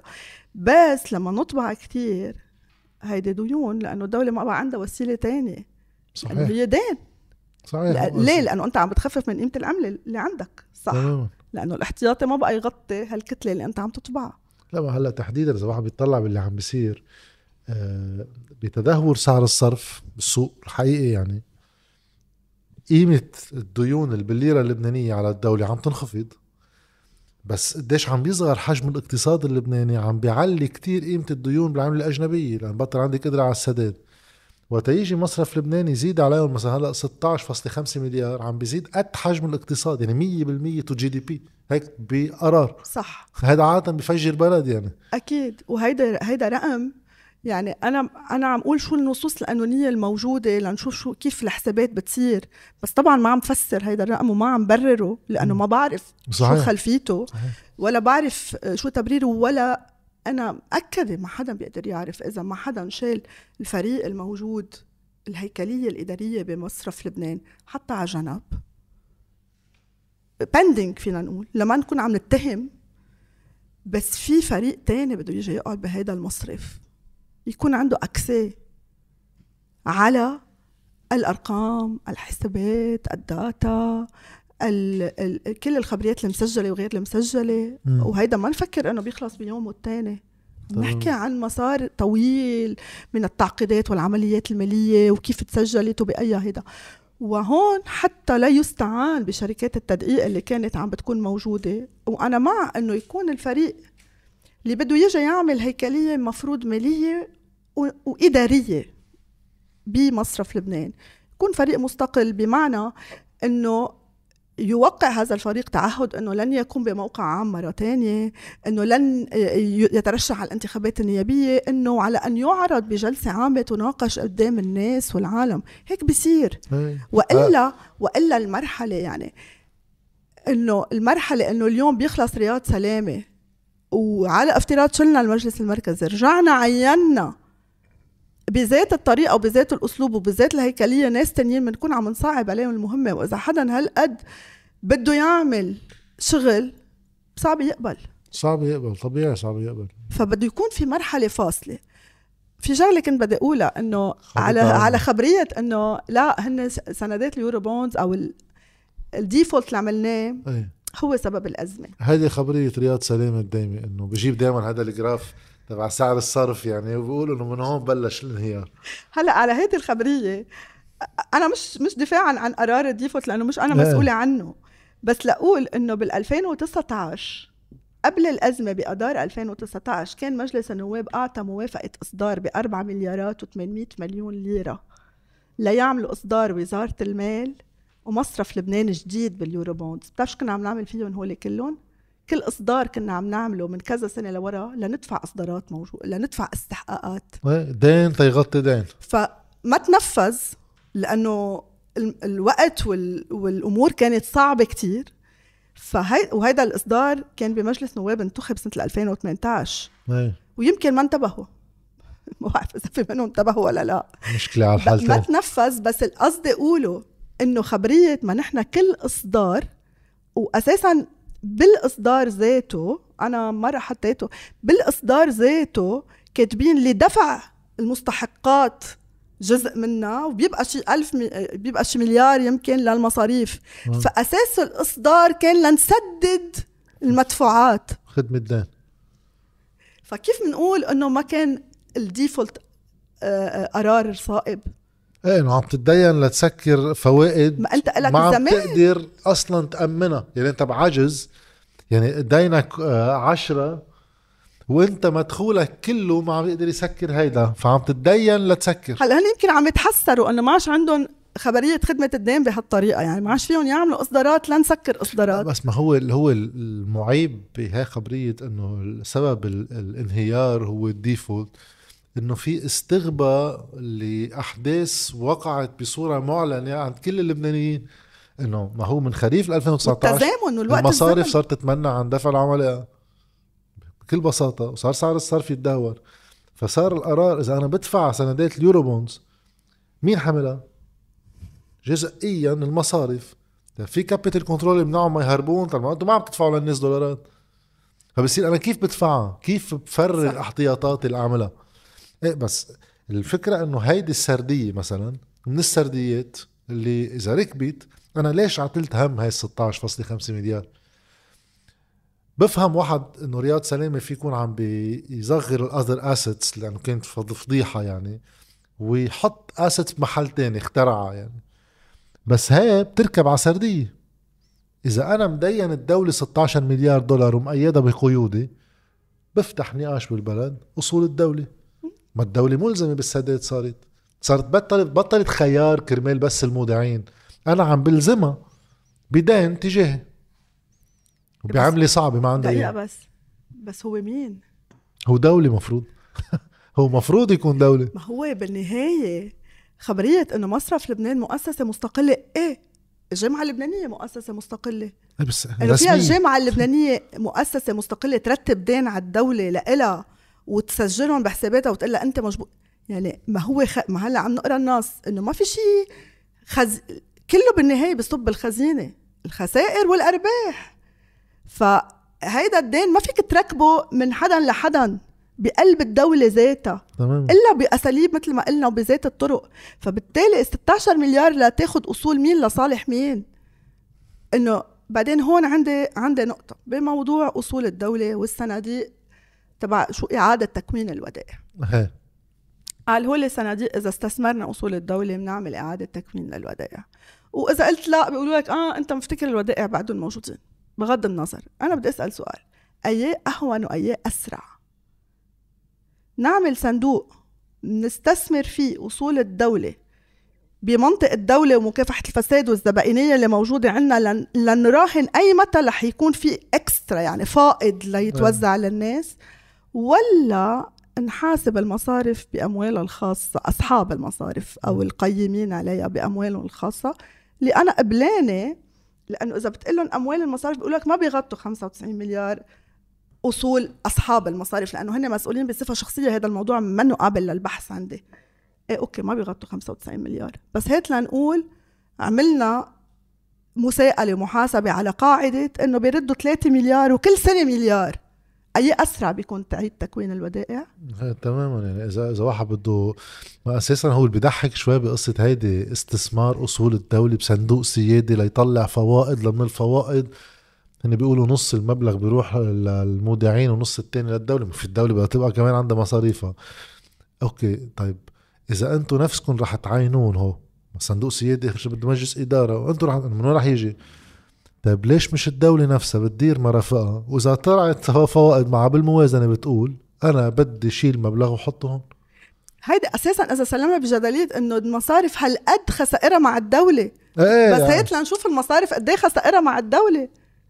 المصارف قد إيه قد إيه أصلا كانت حاملة من سندات اليورو بوندز أنا 15 بتذكر مليار. إيه أنا بتذكر مقابلة بس إيه قبل شوي 2019 يعني عم بحكي بركي 2014 15 طلع مروان خير الدين مع كلام الناس بوقتها قال نحن شو عاطين الدولة؟ ما عاطينهم شيء.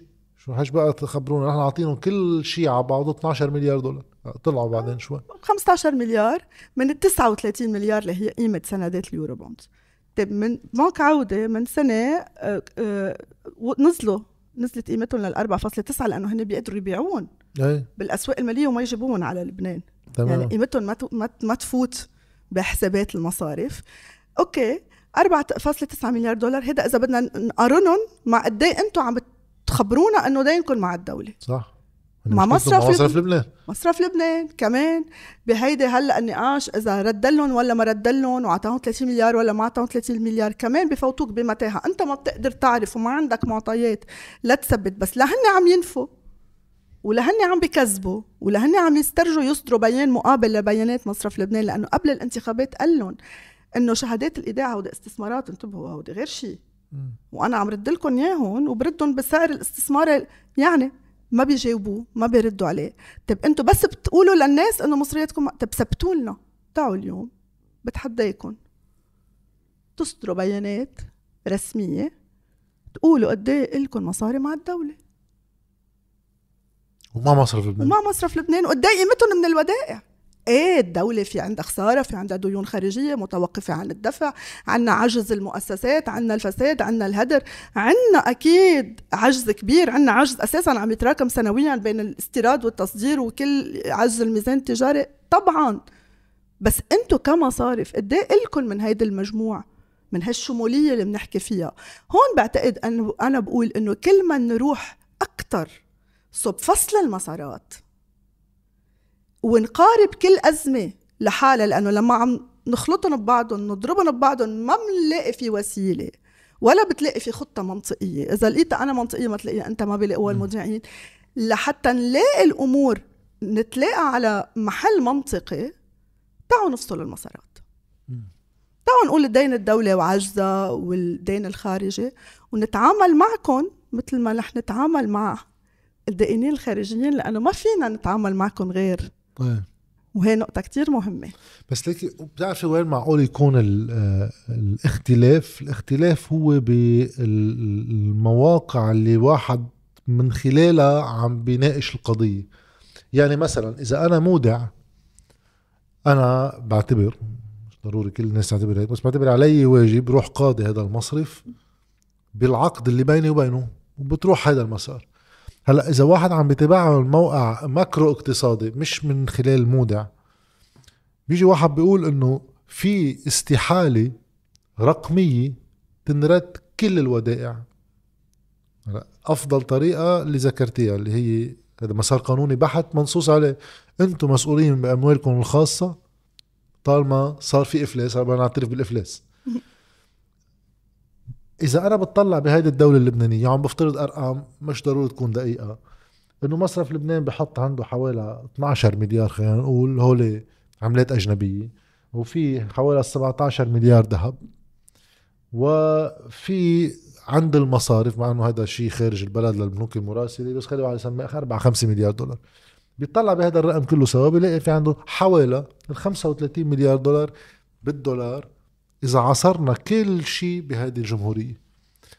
الودائع اليوم بعدها فوق ال 90 مليار إذا بالدولار. إذا سؤال بصير هيك آه، سياسي إذا بدك اقتصادي سياسي. إذا أنا معي 35 مليار دولار في المسار القانوني اللي بدي حاسب فيه آه، مساهمين أصحاب المصارف من أموالهم الخاصة وفي أيضا الأموال المشبوهة بهذا القطاع المصرفي تنظيف هل أنا معقول أوصل لمحل حتى لو عندي الرقم أعطي ال 35 مليار دولار للمودعين؟ لأنه ساعتها بصير في سؤال تاني. هاي الدولة كيف تعمل استثمارات ما هذا الاقتصاد بحاجة اليوم استثمارات بالكهرباء بالطرقات بكذا. كيف يبقى عندي هامش أتحرك فيه إذا في حاجة لدواء إذا في أزمة؟ آه، محروقات. ففي الشق الاقتصادي رح يكلف وفي الشق التشغيلي الأوبريشنال بده يكلف. ما ممكن أنا صفر كل شيء واعطيه للمذيعين. وخصوصا إنه معقول يطلعوا لبرا. okay. هون بيجي ال capital control. هون بيجي ال capital control. إنك أنت تحط رؤية تقول قد إيه في مجموع بين موجودات المصارف بين آه، صندوق بين المصارف قد إيه بدها تتحمل. بيسوى يكون ب compromis ما عم أقول بدي أعلق لهم مشنقتهم بالساحة يعني مش هيدا هو ال- الهدف. بين مصرف لبنان إذا إذا صار في إمكانية لإعادة هيكله أو لرصد الفجوة المالية لنسلم جدلا برقم ال 35 مليار. اليوم الناس اللي ما عم تاخد من أموالها إلا الفتات.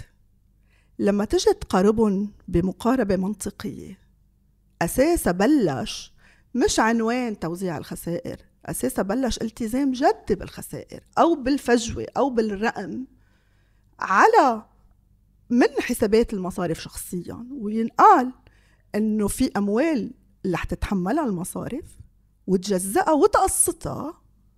ما بيتغير المشهد؟ إيه طبيعي. وتقول وتؤمن لأنه ما بقبل بقى الاتهامات جاد إنه اللي بيحكوا بأي منطق تاني إنه غير إنه نروح على الدولة وهي خبرية روحوا على الدولة. وخلصونا إنه نحن بدنا نهدم القطاع اللي بده يهدم القطاع اللي ما عم يقبل يعمل اللي نحن عم نقوله. أساسا في حدا هدم القطاع ديجا. هلا عم نحكي بقصة هدم القطاع. بس أنت اليوم ما لا تنعش الاقتصاد فيك تعمله بلا قطاع مصرفي؟ أكيد لا. فيك ترجع تنعش الدورة الاقتصادية وتنفذ خطة وقطاعات منتجة واللي بدك إياه. ما اليوم انت ادخارات الناس اللي هي الثروة الفردية اللي انت بتجيرها بالاقتصاد موجودة أو بالمصارف أو بجيب الناس. فمشان هيك نحن قلنا إنه الحركة اللي موجودة اليوم بالبلد الشراء والبيع وال... والمطاعم وال... وك... هذه حركة سوق لأنه ما عم بتفوت بالاقتصاد. تمام. ما عم بتفوت بالانطونوار يعني الأساسي. بالطريقة هيك الميتافور من تحت المخدة لتحت المخدة. ابدا. كيف أنت ما أنت ما هلأ رجعنا على خبرية خلق النقود الائتمانية؟ أي. لتقدر ترجع تخلق وتمارس تقنية خلق النقود الائتمانية ويصير في نمو. ويصير في نمو. بدك ترجع تحط ودايع بالمصارف. وما راح يقبل أي مصرف حتى لو عنده رأس مال بالخارج يفتح ما طالما فيها المصارف ما بتشتغل برأس مالها. لا يجي قصدي إيه. على البلد على هالبلد مصرف أجنبي. مستحيل. في عنا مرحلة فاصلة هي بمصرف لبنان لأنه هو الهيئة الناظمة. إذا بهيدي الف... بهالمرحلة الجاية قدر حدا أو قدر تصور أو مقاربة أو جهة سياسية أو فريق سياسي أو شو بعرفني قدر فهم إنه في لحظة هون بدكم تعملوا فيها ترتيب لمصرف لبنان. وبدكم تروحوا مثل ما راحت ايسلند مباشرة تحكوا قبل ما تحكوا مع الناس. حطوا الناس على جنب. الناس رضخت لحديت هلا وعم تتوجع من اللي صار ثلاث سنين. ولح افترض بعد في ثلاث سنين. بس فرق لما تروح اليوم تقول أنا حسبت أنا سألت أنا هيدي حسابات المصارف أنا هيدي ميزانية المصارف اللي مصدقة عليها جهات بتقول فعلا هالقد في. وهون رح نلاقي كتير مشهد مختلف. مش اللي بخوف في هذا المشهد إنه صعوبة تحقيقه هو لكمية الرؤوس المعقول تسقط معه. لأنه المسؤوليات بتصير واسعة. من هيك من مش هيك هيك يمكن بدها big bargain بدها compromis كبير. اليوم قريت تصريح آه، بأحد الصحف عن لسان مصدر مصرفي ما بعرف مين إنه ليه صندوق النقد بلبنان آخذ مسار تاني غير المسارات اللي أخذها بغير دول؟ ليه ليه عامل focus على القطاع المصرفي وبده التدقيق المالي بحسابات 14 مصرف؟ ليه؟ لأنه الأزمة مختلفة لأنه السياق مختلف ولأنه حكما بغض النظر إذا رحنا ولا لا على صندوق النقد إذا ما أنعشت القطاع المصرفي ما فيك تحط ولا خطة اقتصادية والقطاع المصرفي هو مش أسماء ستارز شفناهم على الإعلام القطاع المصرفي هو المودع تماما نقطة على السطر بدكم ترجعوا قطاع مصرفي بدكم تتعاطوا مع المودع بمنطق وبفتكر إنه المودع اللبناني والشعب اللبناني بيقدر يتقبل نظرة منطقية سليمة صحيحة إذا فعلا هو تأكد إنه في أسلوب. وما رح يجي يقول لك أعطينا ال 35 مليار وأنا بنتوش شوي أنت آه. ساعتها فيك تقول بعمل توزيع جماعي بروبورسيونيل كمان للثروات لأنه خبرية مؤهلة وغير مؤهلة ودائع كبيرة ودائع صغيرة بتدرسها بمنطق اجتماعي واقتصاد سياسي وبمنطق وين؟ قديش ممكن تقدر توصلي لهون إذا بعد في سرية مصرفية؟ برأيي السرية المصرفية سقطت. سقطت بال... بال... سقطت بالحسابات السياسية وهيدي هي المفارقة الكبيرة بدور لبنان. سقطت. لأقول لك ليه؟ لأنه إنه هيدي لما كنا نقول طيب شو اللي مهدي لبنان بالفترات الكبيرة؟ مهدي لبنان كان كمية أموال سياسية غير لبنانية موجودة فيه. ففي محرم كان كلهم يخافوا يكسروه لأنه ما حدا بيتحمل مسؤوليته. يعني لما كنا. ننقذ لبنان بلحظة من اللحظات مش بس كرمال سواد عيوننا. مش بس مش بس مش بس كرمال على الأرجح مش كرمال سواد عيوننا. فكنا ننقذ لأنه كان في تقل مالي وهيدا اللي ما بده إياه بقى يصير صندوق النقد وهيدا اللي الناس ما بتشوف إنه ال capital control هو على ال in مش بس على ال out تمام. هيدا ال hot money اللي كان يجي على لبنان بال... باللحظات الإقليمية المفصلية واللي تغير يعني تغيرت مشهديته بآخر سنوات بدليل تصريحات أو ما نسب عن تصريحات لوزارة الخارجية الأمريكية إنه الأموال اليوم الخارجية السياسية الموجودة بلبنان هي مش أموال الخليج العربي والنفط. وهيدا ال- التاريخ لبنان اللي بنتغنى فيه لا معروف إنه في رقم كتير كبير للسلطات اليمنية أو لمستثمرين يمنيين لأنه كانت مسكر عليهم الاعتمادات من سوريين سوريين عراقيين ليبيين. ليبيين. ف بعتقد إنه سكرنا الصفحه عن دولة لبنان الكبير لأساسها أس- استقطاب الأموال بس باقي السريه. المصرفية تما نفتح هالملفات إيه بس ليك اليوم التزام المصارف بالرغم من إنه هي هيك شوي مشهدية يعني رمزية مش فعلية الناس لمستها. بس اليوم إصرار القضاء القضاء الأوروبي. وجود القضاء الأوروبي أو فتحه لملفات كبيرة. التزام ثلاث مصارف امبارح بالمسار تبع الرئيسة غدا عون. وأنا ما عم دافع وما عم هاجم. إنه آه، قاموا عليها الأيام بجمعية المصارف لها ثلاث من هيك مصارف من هيك انفصال المسار الكبير. اللي كنا أنا بطمح عليه بين الدولة والمصارف بلش يصير داخل جمعية المصارف وهيدا أمر كتير طبيعي. أساسا طبيعي لأنه مصالحكم مختلفة. في مصرف لأنه منافسين. لأنه أنتم بتج... يعني أنتم في تنافس بين بعضكم إيه بس ما صاروا كارتيل بفتره من الفترات صاروا كارتيل أكيد لأنه عندهم حصرية خلق الائتمان. تماما. وصاروا بحاجة لحصانة مشتركة وقت الانهيار. ولأنه صاروا اقرب لأنه صاروا أقرب إلى القطاع العام منهم إلى قطاع خاص. أي. يعني التداخل بين مصلحتهم ومصلحة مصرف لبنان وتورطهم وانكشافهم على الدين السيادي وكل هالخبرية خلى مصالحهم تصير بمحل واحد فصار التكتل طبيعي. بس إذا بترجع بتفتح على المسار التنافس الحقيقي بتشوفوا من هيك من هيك لازم نستعمل عبارة تنقية القطاع المصرفي. مثل واحد فالش العدسات قدامه وعم بنقي. صح. في منيح وفي مش منيح كتير وفي منيح أقل وفي منيح كذا وفي ناس قد تكون قبلت بما استنزف من ودائع خلال الفترة. وهي تراهن أنه اليوم يوم النشاط المصرفي بأي بلد هو نشاط رابح. مربح جدا مفروض. مربح جدا. فالاستغناء عن رخصة مصرفية لناس بدها تشتغل بالمرحلة المقبلة إذا صار في بلبنان إصلاح. فاليوم مين اللي عم بي هن في بعض أنا ناس بعتبرهم كانوا دخلاء وكانوا هيك آه، آه، يعني غيروا حتى الأجواء المصرفية اللي كانت مفروض تكون موجودة بلبنان.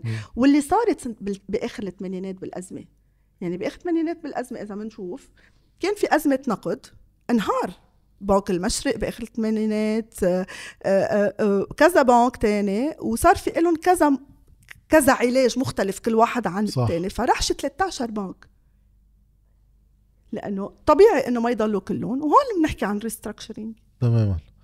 واللي هو كمان هيدا آه، في محاولة من المصارف إنه يقدفوا لقدام ليظبطوا ميزانياتهم. هلأ أكيد في سمك الكبير بده يأكل سمك الصغير. تماما.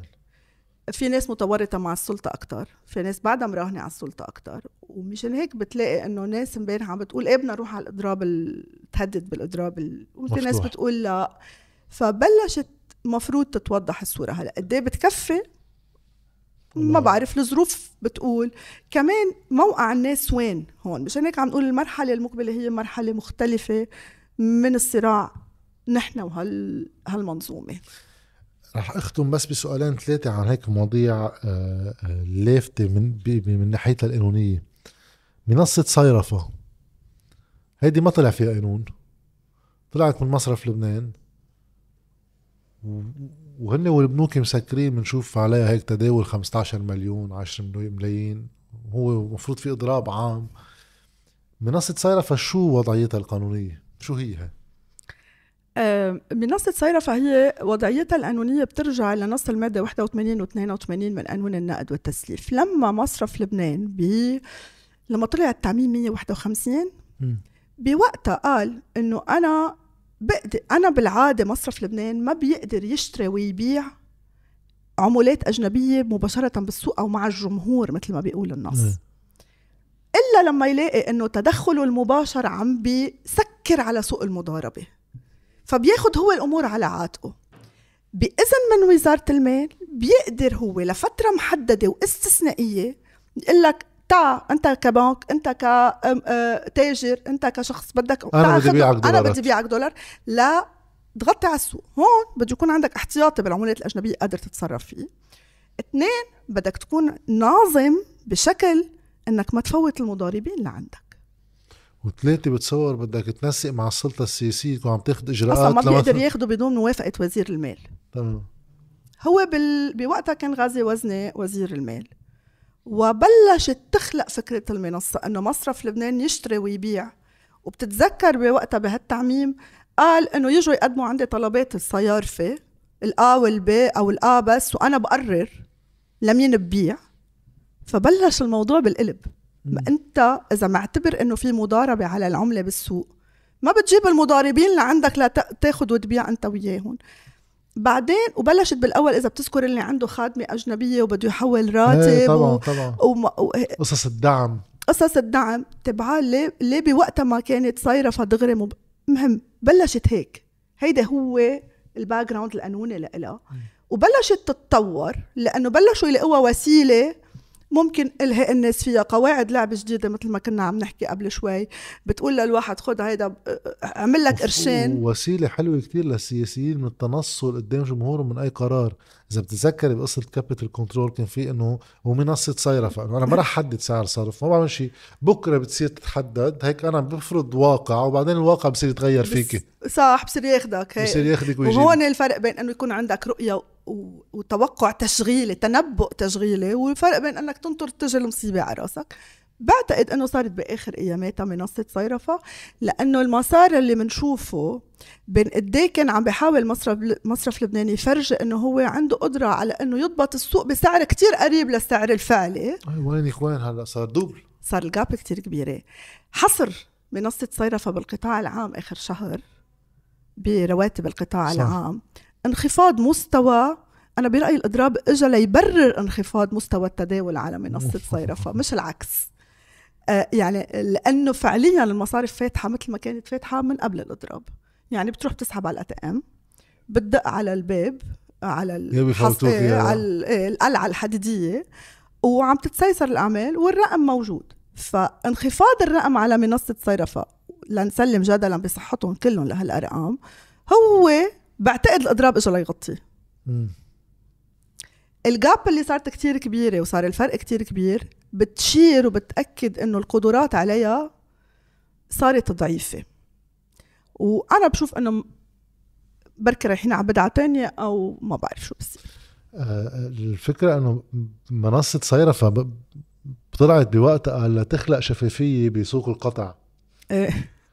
طيب ما بعرف شيء عنها إلا هالرقم اللي بيطلع واحد واثنين. مين عم بيحاول مين مين اللي عم يتداول عليها؟ فالنية من نشأتها كمان إنه ضرب المضاربين وشفافية بسوق القطع. صارت هي أداة مضاربة. أنا بوقتها كتبت دراسة قانونية عن أول ما طلع هيدا التعميم واستدعى الصيارفة. إنه أنت اليوم كمصرف مركزي عندك دورين. عندك دورك الأساسي ك الوا بوليس إنه أنت آه، سلطة ناظمة للأمن النقدي بالبلد واللي هو ارتداداته اجتماعيه وأمنية واللي بدك إياه. وعندك دورك كتاجر بتحقق أرباح بتعمل عمليات بتشتري سندات بتبيع سندات هذا دور تاني. طب أنت اليوم عم بتجيب الصيارف اللي هن أنت بتعتبرهم مضاربين. عم بتحطهم تحت جناحاتك كسلطة إدارية وعم تعطيهم من صلاحياتك؟ هون السؤال. وهون بتسأل أو بتلاقي مبرر ليه في جزء من القضاء عم يسأل كان طب مين عم يشتري وبيبيع على منصة صيرفة؟ كيف عم بتصير الأموال بين ال OMT وال يعني يعني مين عم بيجيب تحت مظلة مصرف لبنان؟ تجار هدفهم يربحوا. وكيف عم تعطيهم ربحوا من كيس مين عم تعطيهم هالربح؟ صح. بعيدا عن سعر الصرف واستفادة الناس عم بحكي بال... بال... بالعمليات اللي عم بتصير. بلمين بنسلم المصاري باللبناني ومين بيلم من السوق وأي سعر ومين بيحدد السعر وشو علاقتنا بالأسعار الابلكيشن اللي عم تطلع. تماما. ما هو. هلا رح اسالك ثلاث أسئلة هيك سريعين شغلة أول شيء قصة آه، المضاربين هول الصرافين اللي بيتوقفوا. مش أول مرة بتصير صايرة قبل. طيب مزبوط في حيلا حدا يقدر يتوقف لقيامه بعملية مضاربة. طيب بس وقت مصرف لبنان هو يكون عم بيشارك بعملية مضاربة. مفروض هذا الخيط يوصل لراسه. ولا ش... ولا صارت ملهات للناس قصة إنه كل ف... لأنه مش أول مرة بتوقف مضاربين. أول مرة مين توقف آخر شيء مش حمدان مدير العمليات بمصرف لبنان؟ إيه نتيجة تمام. هيدا الخيط إذا بدك تلحقه؟ تماما. هلأ بدنا نشوف الخيط لوين بيوصل. بعدين مش هيك. بجواب بسيط. بال 2020 بقدر وبأيار وكل مرة عم تعملوا حملة توقيفات وبتفلتون. طب يا هو ما في جرم مضاربة أساسا؟ صرنا عارفين. يا إذا في جرم مضاربة ليه فلتون؟ وليه إذا مزبوط هيدا اسمه مضاربة وبتنطبق عليه العناصر الجرمية تبع جرم المضاربة على العملة الوطنية واللي أنا من أول نهار قلت ما بتنطبق عليه لأنه هيدا القطاع هو قطاع تجاري. صحيح. ناظم مصرف لبنان منظمه. هلأ بتقلي الصرافين اللي على الطرقات هن مش صرافين منتظمين وأخدين رخص. أوكي ليه أنت ساكت عليهم إذا بتعرفهم؟ وقديه حجم المضاربه اللي بيقدروا يعملوها. ما شو حجمها هاي القصة يعني؟ بدليل لا بيتغير سعر الصرف لا بيتحسن سعر الصرف لا بتلاقي نتيجة وهلأ بتسكر عين بتغمض عين بتلاقيهم طلعوا. يعني أنا عندي رأي شوي خاص. أنا برأيي شير الدولار الأول بالبلد بصورة مباشرة اسمه مصرف لبنان. أنا برأيي المضارب الأول. مضارب الأول. على العملة الوطنية بعكس ما هو مطلوب منه أن يحافظ على استقراره المضارب الأول والصراف الأول هو مصرف لبنان باعترافاته. إيه تماما. أنا السؤال الأخير آه، آه، إذا حكينا خلال الحلقة عن موضوع الخسائر مسؤولية المصارف والمصرف المركزي والدولة كمحاسبة عمومية وحكينا عن علاقة هذا الموضوع بالمودعين. في لأن هون في عقود. ووقت عم نحكي مودعين دايما بيكون التركيز على المودع بالدولار لأن هون بعد في شيء طيب بصورة قانونية شو حقوق المودعين بالليرة اللبنانية وغير المودعين؟ إذا صار في خسائر بهيدا الحجم هل بيبقى لهم حقوق ولا الحقوق صارت سياسية؟ يعني يخصصون بالسياسة بشكل من أشكال ال safety nets يعني شبكات الرعاية الاجتماعية آه، أما تخفيف الاكلاف آه، تغطية صحية شاملة وغيره بتخفف الاكلاف عن الناس لأن هول أكثر ناس انضربوا خصوصا إذا هول المودعين بالليرة أم غير المودعين مدخولهم بالليرة حصرا ساعتها بيكون دمار شامل يعني. من هيك أنا برأيي الحل هو آه، إذا بدك out of the box بده يكون. لأنه هالقد الإشكالية معقدة ففيك تمشي بمسارين. فيك تمشي بالمسار السياسي وال macro والأمن الاجتماعي ضمن خطة عامة تعافي اقتصادي. بس ما فيك تنسف حقوق الفردية للناس اللي هي بتتمثل بشكل مباشر بهيدي الأزمة. بحقوقهم بحقوق المودعين بعدين تحسين المعاشات والسلسلة غير بس الحقوق الفردية هيدي إذا ضربتها بأي خطة أو إذا ضمنتها لخطة هيدا بتكون أنت ضربت أو رحت على محل تاني بالأزمة. من هيك لازم نحاول نضبط الإيقاع الاجتماعي والأمن الاجتماعي والصحي والتعليمي ونخفف أعباء تكليفية على عاتق الناس اللي انخفضت قدرتهم الشرائية. يكون في مسار إعادة تدوير الاقتصاد مش السوق. ويكون في مسار آه، جاهز وعادل ومنطقي للمودع يرجع يحط مصرياته بالبنك. لأنه اليوم بهيدا الأضراب اللي خايفين هن مش المودعين هن أصحاب الفريش اكونت أنا كل يوم بيجيني اتصال إنه معقولة ما نقدر نسحب؟ فإذا في علاقة جديدة وكليانتيل جديدة أنت عم تبنيها كمان ما عم عم تفكر تهددها من جديد. فقد بيكون هيدا المسار سريع. وخلينا نقول في أموال استثمارية لمودعين عرب موجودة موجودة بلبنان. في ثقة بدك ترجع تكسبها على المستوى الدولي. في الأمن القانوني. إنه هيدا بلد مش كل 30 سنة أو 10 سنين بيعمل حدا أزمة مصرفية. منكنسل قوانين وبنعمل قوانين جديدة. وما حدا يقلنا ولا يخبرنا إنه بدنا قوانين تحمي المودعين. المودعين محميين بالقانون. أكثر ما أنتم بتتخيلوا. اليوم المطلوب تردوا للمودعين بطريقة منطقية تناسب ظروفهم وتناسب المحاسبة ومن دون ما يتحملوا ولا شيء. بمعنى يتحملوا اللي عم يتحملوه أيه. أساسا وعلى يعني تكون منطقية الخطة.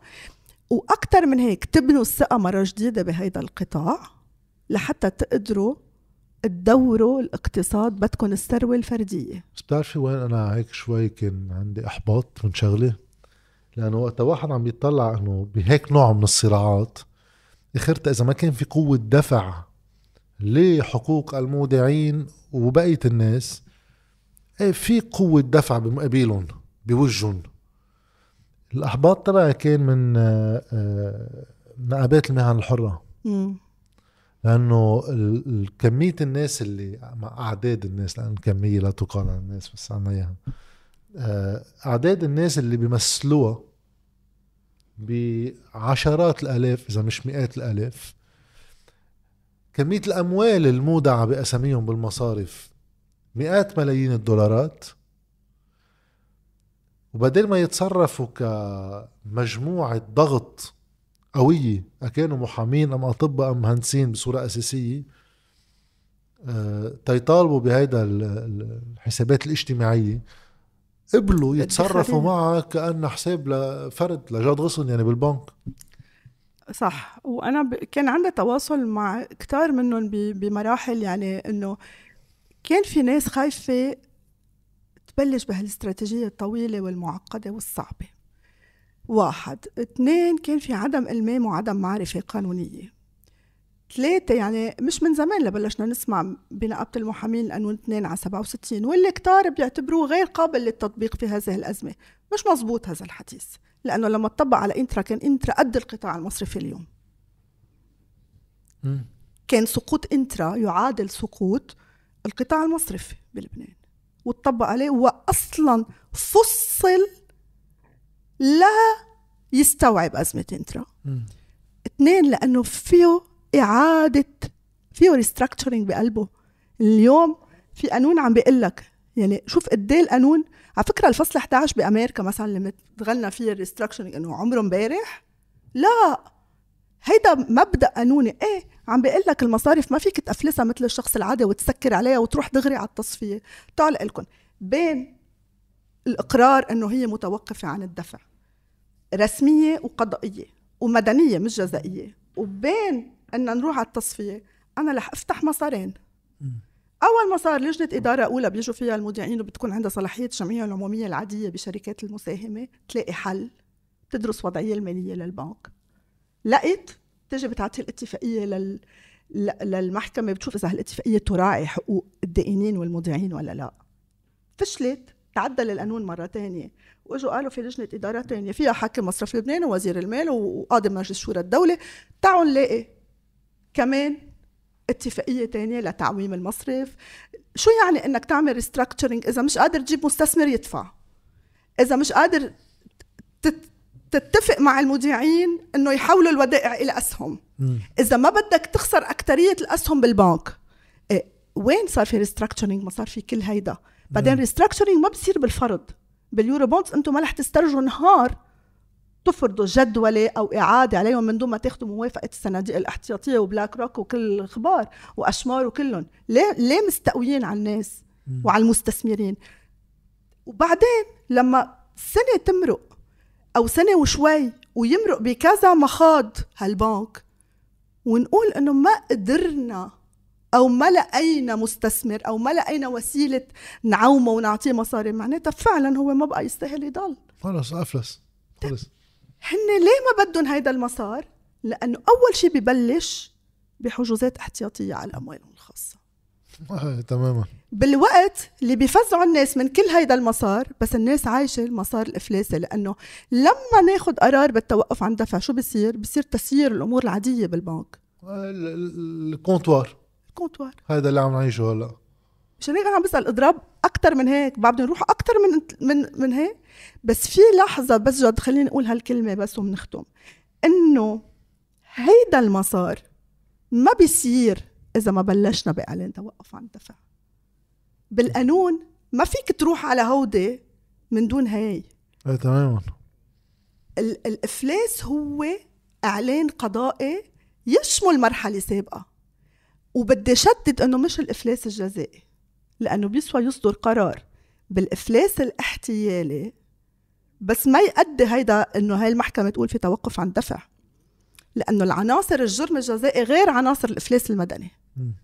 فبالعكس هيدا القانون في أكثر من إنه بيقول لك مجرد ما يطلع قرار توقف عن دفع سقطت السرية المصرفية عن أموال أعضاء مجالس الإدارة والمدراء المفوضين بالتوقيع والمفوضين المراقبة وشركات تدقيق إذا بدك فيك تتوسع فيه وفيك تحمله وتروح فيه لبرا تشوف إذا عندهم أصول برا. اثنين أكثر من هيك عم بتقول لهم تعوا لاقوا حل. تعوا لاقوا حل والنيابه العامه فيها تفتح ملف الإفلاس الاحتيالي. سي المصيبة الكبيرة إنه تقولي له ذمتك المالية رح تفوت بذمه البنك توقف كل شيء. بعتقد فاليوم أكيد إنه المودعين عليهم مسؤولية. بعرف ما بي مش بكرة بيقدروا يقدموا حل أو يطلع لهم حل بس يخلوا القضية بالسياق الصحيح تبعها. وإضراب المصارف آه، حدوده طالما عم نوصل انه صاروا كونتوار. حدوده بعد أنه يسكروا الكونتوار. إيه هون بعتقد أنه هن هن كسروا كتير محرمات. لما كسروها انبسطوا بس بعدين لقوا عقاره مثل ما بيقولوا مثل ما بلشنا بأول الأزمة. أول شيء كسروا محرمات المخاطر المصرفية اللي حكينا عنها باول حلقه تماما. وصلنا للأزمة سكروا البنوك. هن قصدهم أنه يستوعبوا اللي عم بيصير وكذا. هلأ بلشوا ناس أصوات بجمعية المصارف تقول يا ريت ما سكرنا. رحنا على إنه نعيش العالم بستاتيكو لأنه يعني الخوف إنه راحت المصاري راح. إرهاق مع الوقت. إرهاق. نعمل capital control de facto مش منظمة واستنسابية كله هذا كان رهانا إنه ما يضل في 95 مليار دولار بالبنوك اليوم أنت وصلت لانك معيش الناس حالة الإفلاس الفعلي بس مش الإفلاس القانوني. إنه فيك تروح بعد أبعد من هيك بس بتكون كسرت المحرمات المصرفية عم تمنع الناس من إنه تاخذ معاشاتها مورد عيشها. المخاطر الأمنية تعلى كثير المخاطر الأمنية والاضطرابات الأمنية فبعتقد إنه وصلوا لمحل قد ما خسروا من المحرمات ما بقى عندهم كتير بين إيديهم. مشان هيك أنا ما بعتقد إنه أو إذا راحوا ما رح تكون خطوة محسوبة جيدا عليهم. إيه، وساعتها ما في يصير تحرك قضائي تلقائي إذا المصارف سكرت كل شيء. بلا أكيد. وهون كمان صورتهم اللي بيضلوا هن خايفين عليها انه اليوم في منظمات بتقول انه في حد أدنى من حقوق الإنسان. لا تماما. يعني رواتب أجور آه، ما هي أصلا ماشي. فأنت مين بيعطيك السلطة والحق؟ وبعتقد هون بيكونوا بفتكر بيكونوا عم بيروحوا على محل كتير خطير. واضح. يعني آه، آه، بشكرك على هيك تفسير لكثير من القضايا. شكرا آه والحلو إنه بهذا الواقع كله أنا ما بيستفزني إلا هذا الإعلان اللي بيقطع على التلفزيون إنه إيه. نبض ما بيموت والمصارف إنه مصارف أول شيء ما هو منه مصارف يعني المطرح ما وصلوا له. يعني بدنا مصارف صار بدنا عايزين مصارف. ليك مشان هيك هون أنا كتير كتير بقول بقارن حالي بولادي. إنه نحن على أي صورة وعلى أي brand خلقنا للمصارف أيه. وعلى أي ثقافة وعلى أي سردية وشو أهمية هيدا القطاع وهيدا ال brand اللي كان كتير سهل يشربونا إياه. صح. بوقت إنه في جيل جديد عم يطلع مش شايف إنه في مصارف. أيه. الصورة سيئة للغاية. هيدا هيدا الأخطر وهيدا اللي بيهدم القطاع. تماما. شكرا لك سابين لك وإلى لقاءات مقبلة بشوي قصص مفرحة أكثر إن شاء الله. إن شاء الله. إن شاء الله. ثانك يو